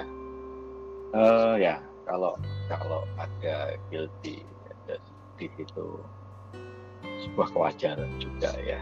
Karena ada suatu tugas ada suatu beban ada suatu tanggung jawab yang memang belum bisa kita selesaikan ya. Jadi ya tidak apa-apa. Jadi bukan bukan berarti kalau eh, bukan berarti kalau kita belum bisa selesaikan terus kita harus happy happy itu ya enggak juga gitu tetapi artinya eh, bahkan kesalahan itu yang itu ya secukupnya aja. Hmm. sewajarnya saja. Ya oke. Ya aku sedih. Aku belum bisa selesai ini. Sudah cukup segitu aja. Dan cukup sebentar aja. Jangan berlarut-larut. Kenapa? Kalau berlarut-larut artinya apa? Ini ada suatu kerjaan nih. Belum selesai kerjaan. A ya. Kemudian kita merasa sedih kemudian kita tidak segera meng- mengolah rasa uh, dari kesedihan ini. Kemudian ada pekerjaan B. Belum selesai juga. Ah kesedihannya numpuk.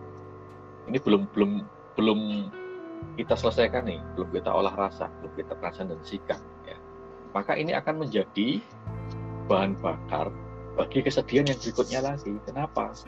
Akhirnya eh, karena numpuk ya toh, dia bereaksi lagi dia akan menciptakan peristiwa yang sama yang berulang lagi kan itu jadi mekanismenya berulangnya sebuah pola itu sebenarnya eh, akibat dari proyeksi di dalam diri dalam arti ada sesuatu yang mendasar yang sebelumnya tidak kita rawat belum kita lampaui. Sehingga apa? Menciptakan peristiwa berulang. Nah sekarang kan sebenarnya solusinya gampang solusinya gampang Eh, saya tanya sama Kak Din sekarang. Kalau Kak Din merasa terus menerus bersalah merasa terus-menerus bersedih atas uh, sesuatu yang mungkin belum belum bisa dituntaskan kira-kira pantas nggak? Kira-kira pantas nggak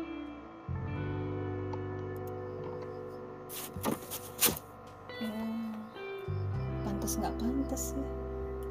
Loh ya nggak bisa. Loh, nggak bisa toh. Ya karena saya pilihan itu kan harus satu. Pantas atau nggak pantas? Ya untuk oh, siapa larut dalam ya itu kak Din sendiri. Ya menurut kalau logikanya sih nggak pantas cuman kalau dari tanggung jawabnya ya pantas itu harus dari tanggung jawab saya iya iya. Itu tanggung jawabnya saya kak Din untuk toh melestarikan Oke. iya. Oke. Itu memang tanggung jawab ya kak Din. Tapi saat saat ini ya saat ini sesuatu ini nggak eh, terbe- terbengkalai katakanlah belum bisa terselesaikan. Kemudian kak Din merasa sedih merasa bersalah ya. Pantas enggak ya? Pantas. Waktu tanggung jawabnya kak Din. Ya, bener pantas. Tapi kalau Din terus terjebur ke rasa penyesalan rasa bersalah rasa kesedihan yang terus menerus nah itu pantas enggak? Enggak. Enggak loh. Nah, saya kira kak, kak Din masih merasa bersalah terus enggak? Terus menerus enggak? Merasa sedih terus menerus enggak? Eh, iya. Iya loh. Iya tiap iya oh iya. Oh iya. Terus pantas enggak gitu itu pantas enggak kenapa? Enggak sih. Eh, enggak tuh. Loh, harus pilihan tuh cuman iya tidak loh. 01 01 gitu. Nggak ada separuh separuh nah, nah sekarang kan tinggal Kak Din. Kalau Kak Din terjebak dalam rasa bersalah terus menerus rasa penyesalan terus menerus putuskan sendiri. Pantas atau tidak ayo. Eh, putuskan sekarang. Nggak usah. Besok. Pantas nggak? Eh, nggak pantas Loh kan ada tapinya itu. Beb nggak bisa. Ingat kata-kata saya niat itu utuh. A ya A nggak. A tapi. Nah itu kan berarti hanya batal tapinya yang berlaku ini yang menyebabkan apa terus berulang kalau Pak Din tanya kayak ke, ke saya kok terus berulang Nah, itu akarnya adalah itu. gitu. Kenapa? Karena merasa pantas. Merasa pantas bahwa aku salah. Merasa pantas bahwa aku sedih. Sebab ada tugas yang terbengkalai belum terselesaikan. Sehingga makin lama kan makin menumpuk. Ibarat bola salju itu kalau dari atas kan kecil. Ya, itu gelinding ke bawah. Ah, gelinding ke bawah gini, war war war war gitu toh. Ya, tambah lama kan nambah besar. Karena kita merasa pantas. Nah, sekarang kuncinya tinggal pantas atau tidak untuk terus menerus seperti itu. Pantas enggak? Enggak, geleng-geleng. Disadari yang yang ngomong pantas siapa? Eh, yang ngomong nggak pantas siapa? Ah, Kak Din dong, Eh, yang napas siapa? Kok pantas enggak? Enggak ada geleng-geleng aja, enggak pantas deh. Enggak, enggak nggak pantas aku terus terus sedih nggak pantas aku terus menerus apa guilty ya nah sekarang nggak pantas loh ya berarti boleh ya dilepas perasaan bersalahnya perasaan sedihnya atas hutang ya, itu kan hutang hutang rasa terhadap terhadap apa namanya kewajiban yang belum tertunaikan kan nggak pantas toh. Sudah milih nggak pantas loh ya. Mm. boleh dilepas boleh dilepas nggak? Boleh dilepas nggak? Boleh ya dilepas ya. Mau ya angguk-angguk aja. Oke dilepas oke. Angguk-angguk aja sampai lega. Angguk-angguk terus. Sampai capek lehernya. Angguk-angguk. Berbes ya mau ya.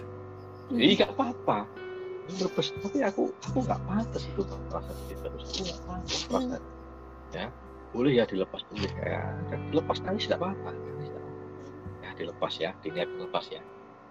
Jadi mulai detik ini dan seterusnya itu lepas itu perasaan itu. Lepas ya. Boleh ya lepas ya?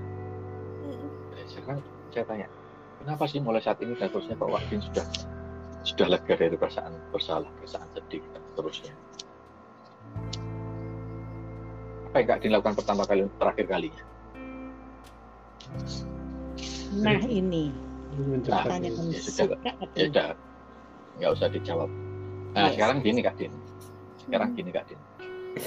Nah, seka- sekarang Kak Din mau nggak menyelesaikan semuanya dalam tempo yang sesingkat-singkatnya seperti proklamasi Indonesia itu loh. Kan, proklamasi itu kan gitu. Mau nggak menyelesaikan semuanya dalam tempo yang singkat-singkatnya kayak proklamasi Indonesia mau nggak? Mau. Anggo-anggo. Oke, anggo-anggo. Oke, aku mau. Gimana pun caranya, aku mau. Dengan kesadaran penuh, napasnya disadari. Siapa yang bernapas di balik eh, siapa yang bernapas di balik tarikan dan busa napas itu sadari nama lahirnya. Oke, anggo-anggo. Boleh ya. Semua tanggungan tugas itu selesai dalam tempo yang sesingkat-singkatnya. Oke, mau berapa hari selesainya? Sehari, dua hari? Ayo, bilang, niat. Berapa hari? Berapa hari? Dua hari ya? Oke, lo gitu loh. Orang tuh harus milih. Boleh ya? Boleh? Ya. Oke, boleh. Oke. Anggu. Boleh. Eh, kenapa sih dua hari ini kok langsung kelar semua? Jadi Kak Din lega gitu. Kenapa sih kok? Dua hari yang lalu sarapan apa pagi-pagi? Buah. Ya udah, ya udah nggak usah dijawab. Ya, jadi jadi sudah milih ya. Ini saksinya semua, itu kami ini semua. Kak Din, ya sudah seneng pokoknya. Dua hari lagi kelar semua, beres beres. Gak usah dipikir ya toh. Alarm tuh gampang. Nanti kalau mau tidur mau bangun jam berapa bilang Din, bangunin jam. Panggil dirinya sendiri siapa nama panggilannya siapa? Dini atau siapa? Ya panggil nama sendiri. Din, ntar bangunin jam 2 ah gitu oh, nggak usah pakai alarm bangun itu kalau mau ya, dibangun sesuai sesuai niatnya hati dan bangun dalam kondisi yang seger buger. Nggak capek nggak nggak ngantuk. Ya begitu bangun wah sehat. Enggak, enggak ngimpi kecegelam. Enggak ngimpi kecegelam. boleh ya kak Din ya? Ya. Pokoknya itu harusnya. Jangan jangan merasa pantas untuk memiliki menyimpan hal kayak gitu. Itu akan berulang kan apa narik lagi. Nanti kan tambah numpuk. Berarti kan utangnya tambah banyak. Iya kan iya pantas nggak kayak gitu nggak pantas dong Kau nggak mau masuk mau gitu ah, no no no no gitu Mbak Fe seneng iki, Mbak Fe seneng iku sing terakhir iku mau. ya. Jadi gitu Kak Din ya. Ya. Peluk-peluk dari sini Kak Din. Oke, okay, thank you. Iya. Yeah wes lego nanti. Tak bantuin doa ya. Aku bantuin doa aja. Kalau bantuin ngerjain nggak bisa. Amin, insya Allah. itu tak bantuin doa. Tuh Mm-mm. teman-teman ngaminin semua itu. Amin amin amin gitu ya. Min. mereka tuh kalau ngaminin ngaminin pakai pakai rasa loh. Oh, iya. ya nggak pakai OTW nggak pakai OTW itu. Pakai rasa. Iya. Amin. Terima kasih. Terima Gitu. Loh Mbak Fe muncul ya, wis mari tak acaramu. Sudah oh, Mbak Fe iku pesen sego goreng iku, Pak. oh, iya. Butek, butek. Pesen tahu cek. Ada ada Bunda Ika. Halo. Bunda Ika. Hai.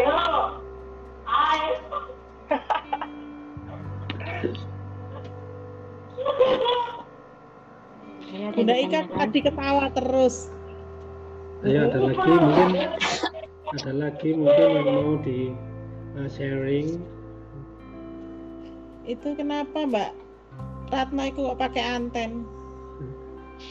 kita gantinya udang ya. untuk mengikat depan dan belakang kan nggak harus udang apa pun juga kan boleh Eh, tapi cek lucu ya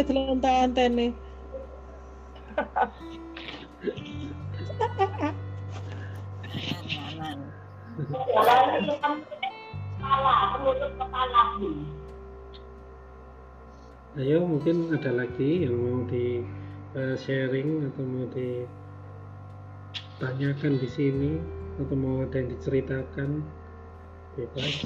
Oke.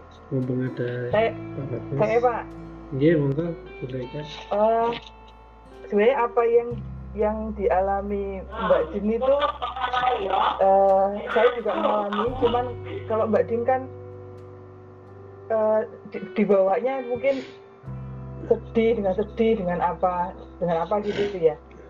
Kalau saya itu saya bisa bisa menerima oh ya ini, ini tuh tagihan ini tugas ini lagi banyak lagi apa. Cuman ya itu tadi seperti diingatkan sama Pak Bagus kemarin apa yang disangkal kalau saya itu kalau ada dapat sesuatu yang nggak nggak bisa saya kerjakan dan itu sifatnya numpuk dan sebagainya. Ini kan kerjaan sekolah lagi bertubi-tubi karena juga harus persiapan akreditasi di mana saya sebagai ketuanya. Saya sebenarnya menyangkal saya nggak nggak kepingin jadi itu cuman karena ini sudah sudah di SK kan mulai dari tahun kemarin. Maksud saya saya mau menghindari ini. Efeknya nah itu efeknya ya saya tetap mengerjakan tapi memang dengan sedikit banyak grundel dan efeknya ketika menyangkal semakin saya tangkal gatalnya semakin dahsyat Ya. ini sudah mulai pak sampai dengan tangan jadi ketika kemarin diingatkan untuk naboi pagi itu ini langsung keluar ini bilur merah semua ini Ya, Tuh. jadi tetap Ini ya? tetap saya heeh, iya ini yang di sini itu ini merah semua ini kemarin. Sampai cenderung yang di sebelah sini yang paling eh, tangan kanan itu yang sampai biru. Ungu, biru. Heeh, heeh, biru-biru ungu gitu kecil-kecil gitu. Ah. yang nampak keluar seperti itu. Toksinnya saya keluar. bertahan tidak ke dokter. Kali ini saya bertahan enggak. Pokoknya saya harus harus sembuh tanpa minum obat. Biasanya kalau mengalami begini biasanya ke dokter dokter kulit kemudian tidak dapat obat dapat terap, apa namanya? Semacam obat untuk tidur. Karena Ah, ke- eh, kembali pak mulai nggak bisa tidur. Mulai nggak bisa tidur. Dan kalau malam itu mau mulai gitu. Nah nanti pagi itu tumbang. Kemarin ketika saya melakukan ini naboi kemudian eh, apa senamnya itu saya perpanjang kayak biasanya saya hanya 15 kemarin itu sudah mulai naik 20 30 tapi jam 5 itu ngantuk nggak bisa tertahan. Saya mesti tidurkan satu jam jadi jam jam 6 jam 6 lebih itu baru bisa bangun lagi. Itu siklus ini sudah hampir seminggu nih seperti ini. Jadi kalau semakin saya tolak pekerjaan itu gatalnya semakin ya. dahsyat. Berarti ini harus ketemu iki kopi darat iki yo. iya kudu diresiin Yes. Bareng-bareng. Biasanya kalau kalau kalau lari dari tanggung jawab ya. Jadi ini kan ini kan lebih cenderung kan ada ada tanggung jawab, ada tugas yang kita moh gitu ya. iya Biasanya biasanya keluar keluarnya flu. Biasanya keluarnya flu. oh Nah, tapi kan ini ini kan penyangkalan ya, penyangkalan. Karena nggak bisa menghindar. Ya Flu itu biasanya eh makanya itu. Flu itu keluarnya kalau ada tugas kita lari dari, dari, dari tanggung jawab menghindar. Itu biasanya flu. Jadi misalnya gini, ada ada tugas ronda malam jaga malam di gardu ya. Terus ah mau males enak turu gitu. Tapi ini ini tanggung jawab terus dihindari, diabaikan, melarikan diri biasanya flu. Tapi kalau memang ada tugas kita ngerjakan tapi terus menolak dalam diri kita perlawanan yaitu gatel itu tadi gitu. Jadi makanya kan sudah ada SK-nya ya, apalagi ketua tim ya untuk akreditasi ya. Nah, nah itu kan jadikan seni, nggak usah ngurusi apa tim tim apa jenisnya tim penilai verifikasi. Apa? Tim apa? Tim Asesor. penilai lah apa? Asesor. Asesor nggak nggak usah ngurusi asesor nggak usah ngurusi siapa pak siapa itu namanya? Pak Hartoyo Iya. lo reken lah gak usah diurusi gitu yang penting aku puas nih aku bisa membawa iki ya timku iki sekolahku iki ya. bagus ini hasilnya. Jadi nggak usah ngurusin nanti hasilnya apa nggak usah. Tapi jadikan sebuah seni ini persembahanku untuk kepuasan batinku. Aku bisa kok memimpin itu aku bisa kok memimpin tim. Aku bisa kok mengelola tim aku bisa kok mendelegasikan kemenanganku ke ke anggota timku kan gitu loh jadi jadikan sebuah tantangan yang membahagiakan menggembirakan gitu. Ya itu Nah, kalau belum- gitu kita belum lakukan. itu, Pak. Nah, itu pikir kayak gitu jadikan itu kayak gitu nanti kan seneng oh iya ono tantangan ini ini kesempatanku mengekspresikan kemampuanku aku ditunjuk ya lah. Kan ditunjuk sudah ada SK-nya sejak tahun lalu. Sebenarnya yang, yang nunjuk siapa? Sebenarnya yang nunjuk siapa? Yang nunjuk siapa coba? Diri sendiri. Yang nunjuk siapa? Yang nunjuk. Ya kepala Ah. sekolah tuh, Pak. Loh, Bukan. itu linear kan ono? Oh, itu kan linearnya Oh, diri sendiri. itu kan itu Iya, kan iya, iya. linearnya yang nunggu kepala sekolah. Tapi hakikatnya nek tulisannya nang non linear itu gak ono gak mungkin bu Ika ditunjuk jadi ketua tim ya kan ono toh Ya, Nek iya. tulisan takdir ini gak ono gak mungkin kepala sekolah mendelegasikan eh, mempercayakan tim ini ke Bu Ika kan itu jadi pandanglah ini loh itu tugasnya sama pangeran nih aku dipasrai dipasrai Tuhan ini untuk memimpin tim ini artinya apa ini kan berarti amanat Iya toh? Ini kan amanat dari Tuhan. Nah, kalau sudah ada amanat, pasti disertai fasilitas. Jadi pasti mampu. Lah, enak loh. Ya amanat dari Joko Pangeran ini dari Tuhan. Berarti kalau saya diberi amanat, diberi amanah, berarti saya sekaligus diberi fasilitas olehnya. Artinya apa? Berarti aku iso, aku mampu, aku bisa memimpin timku sukses. Aku mampu mengelola timku. Aku bisa mendelegasikan kewenanganku untuk mensinergikan seluruh anggota timku. Jadikan jadikan sebuah seni.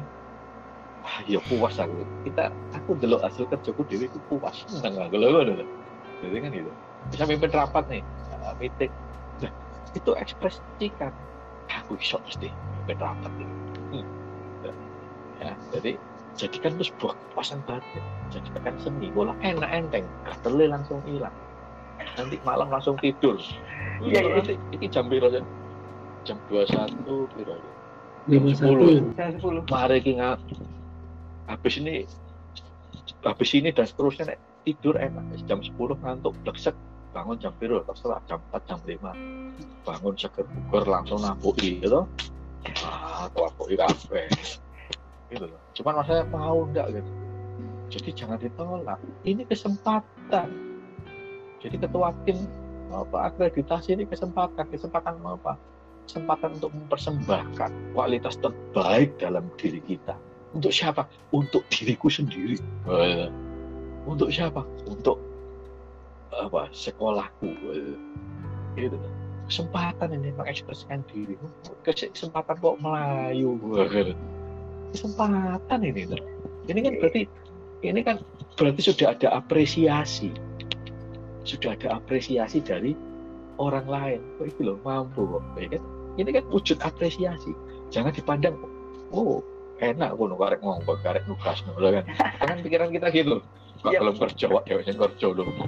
Nah, kok- kalau mikir gitu wis kabeh melayu kabeh. Gitu. Nah, Saya sama saya diserai sembarang kali, dipasrai sembarang kali. Nek cuma hitung-hitungan reward, wis gak nutut. Gitu. Tapi aku seneng. Jadi lo ajang itu membuktikan kualitas terbaikku. Gak ribet-ribet, gak padean. Yang penting hatiku seneng. Yang penting aku iso ini loh, membantu, mensupport tumbuhnya tim ini, tumbuhnya teman-teman ini loh. Gitu. Akhiran seneng. Ah, lega ya, lega. Ya. Jangan ditolak. Kesempatan ini loh nek gak ada tulisan takdirnya nggak mungkin SK-nya itu ditandatangani. Jadi jangan memandang ini tugas dari kepala sekolah, jangan memandang tugas ini dari yayasan. Pandanglah ini tugas dari Tuhan kita yang menciptakan kita, bahwa kita dipercaya, kita di kan enak atau dipercaya. Artinya kita diberi amanat, kalau diberi amanat sekaligus diberi fasilitas. Kita dipercaya, dipercaya kan berarti kita tidak tidak menyodor-nyodorkan diri. Artinya kita kalau dipercaya itu kita pandang aja pakai awalan apa? Dikan kan Kita dipercaya berarti kita diperjalankan. Kita difasilitasi. Lu enak. Kalau pakai di itu kita kan pasif toh. Karek ngintir. Ngintir aja ikutin oh iya oh iya oh iya. Gitu toh. Sebenarnya sederhana. Tinggal mau atau tidak. Gitu. Ya kan menderita itu kan karena ada perlawanan dari dalam diri atas situasi yang sedang kita hadapi. Ya, jangan dilawan melok ya. Intir aja diikuti alurnya bahwa tidak ada kebetulan yang benar-benar kebetulan. Pasti sudah ada skenario takdirnya sebelumnya. Sebelumnya itu kapan ya? Sejak penciptaan itu mau ketulis kafe saya ini karek lakonnya itu tidak ada kebetulan yang benar-benar kebetulan. Itu aja. Ya. Ya, jadi nanti gampang nanti habis ini ngantuk tidur. Besok bangun jam 4 jam 5 tidur nyenyak terus ada mimpi gitu. bangun tidur seger buger Amin. Nah, nanti gak usah di atas kalau naboi di depan kayak tadi. Tapi- kasih rumus kan kalau ada yang nanya ngapain? Kamu mau tak taboi bisa nggak sini? Gitu.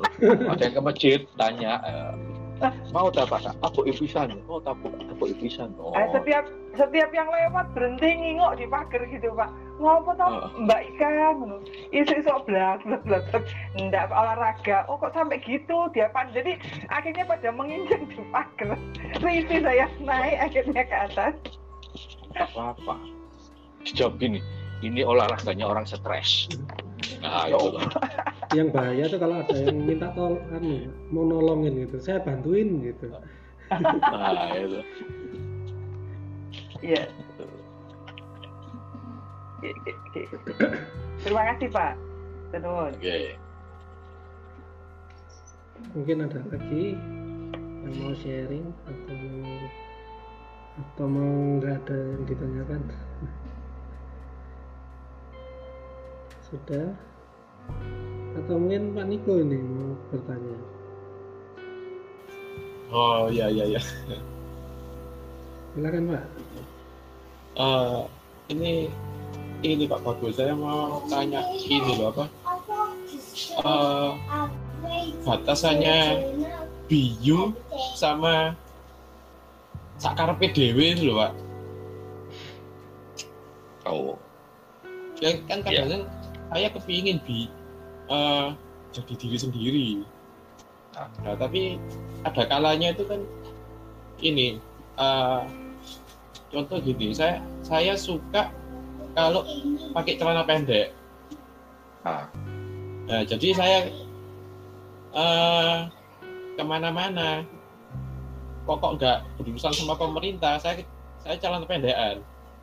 Ah. Nah itu menurut saya itu aku menjadi eh, diriku sendiri. Menurut saya. Tapi untuk orang ada orang dekat itu bilang eh, kasaran konti sopo? Kan jadi awakmu dewe nah, eh, jadi kan jadi saya bingung nih batasan ini ya apa sih jadi biyu ini Kalau saya sih sederhana, ya. Selama itu tidak merugikan apa pun atau siapa pun, ya sudah batasnya itu. Jadi kalau suka pakai celana pendek ke mana-mana, ya sudah nggak apa-apa, nggak masalah. Emangnya merugikan? Merugikan siapa? Merugikan orang lain?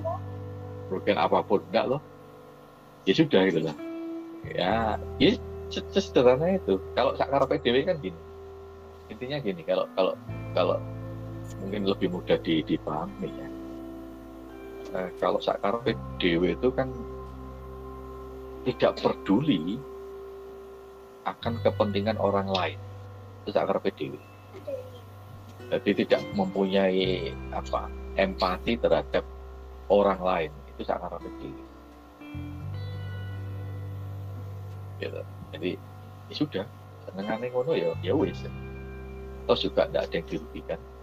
Tidak tidak menyalahi ya tidak menyalahi haknya orang lain. Itu yang yang, yang terpenting itu. Yang terpenting itu. tapi kalau kita eh, sakara PDW itu saat kita menyalahi haknya orang lain. Artinya gini artinya gini. Saya ambil contoh yang sederhana. Eh, aku suka ngerokok misalnya. Aku suka ngerokok. Ada orang negur sekarang aku tuh aku merokok takar oke itu memang kebebasan kita kita mau merokok atau tidak. Tapi pernah kita berpikir bahwa asap itu akan lari ke mana? Dan di saat asap itu larinya mengganggu orang lain itu berarti kita tak karep dewi. Kan itu? Pak paham batasnya? Paham, paham. ya ah itu. Jadi iya memang rokok itu.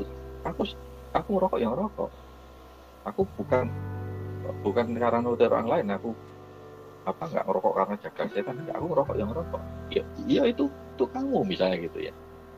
Nah itu akan menjadi sakara PDW jika saat kita ngerokok itu kita tidak ber- pernah berpikir tentang asap rokok yang kita hembuskan itu larinya ke mana. Itu sakara PDW karena orang lain juga mempunyai hak untuk tidak terganggu oleh asap rokok saya gitu loh misalnya. Paham ya? Iya, Nah, jadi pikirkan itu apa yang saya lakukan ini melanggar haknya orang lain enggak kalau melanggar haknya orang lain tanpa saya berpikir tentang haknya orang lain itu atas perilaku saya atas kelakuan saya itu yang dinamakan sakar dewi. Itu mokong kalau itu ya toh. jadi rasanya tumpul itu. Tidak tidak menghargai tidak menjaga orang lain. Karena kita pun juga punya privasi yang orang lain tidak tidak mau kalau eh, kalau dilanggar kan gitu aja. Jadi kembali lagi kalau masalah melanggar hak orang lain ini pantas atau tidak sih? Kalau kita dibutuhkan mau enggak sih ya gitu.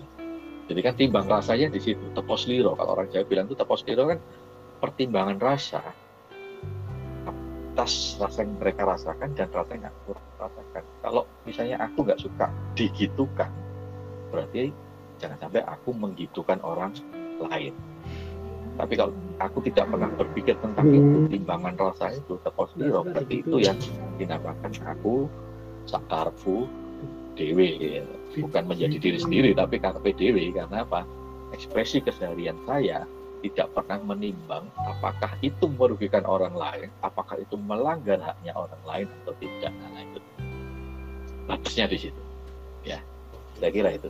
Nanti bisa direnungkan lagi lah, gali lagi pertimbangannya. Gitu. Ya, Terima kasih Pak. Oke, sampai-sampai.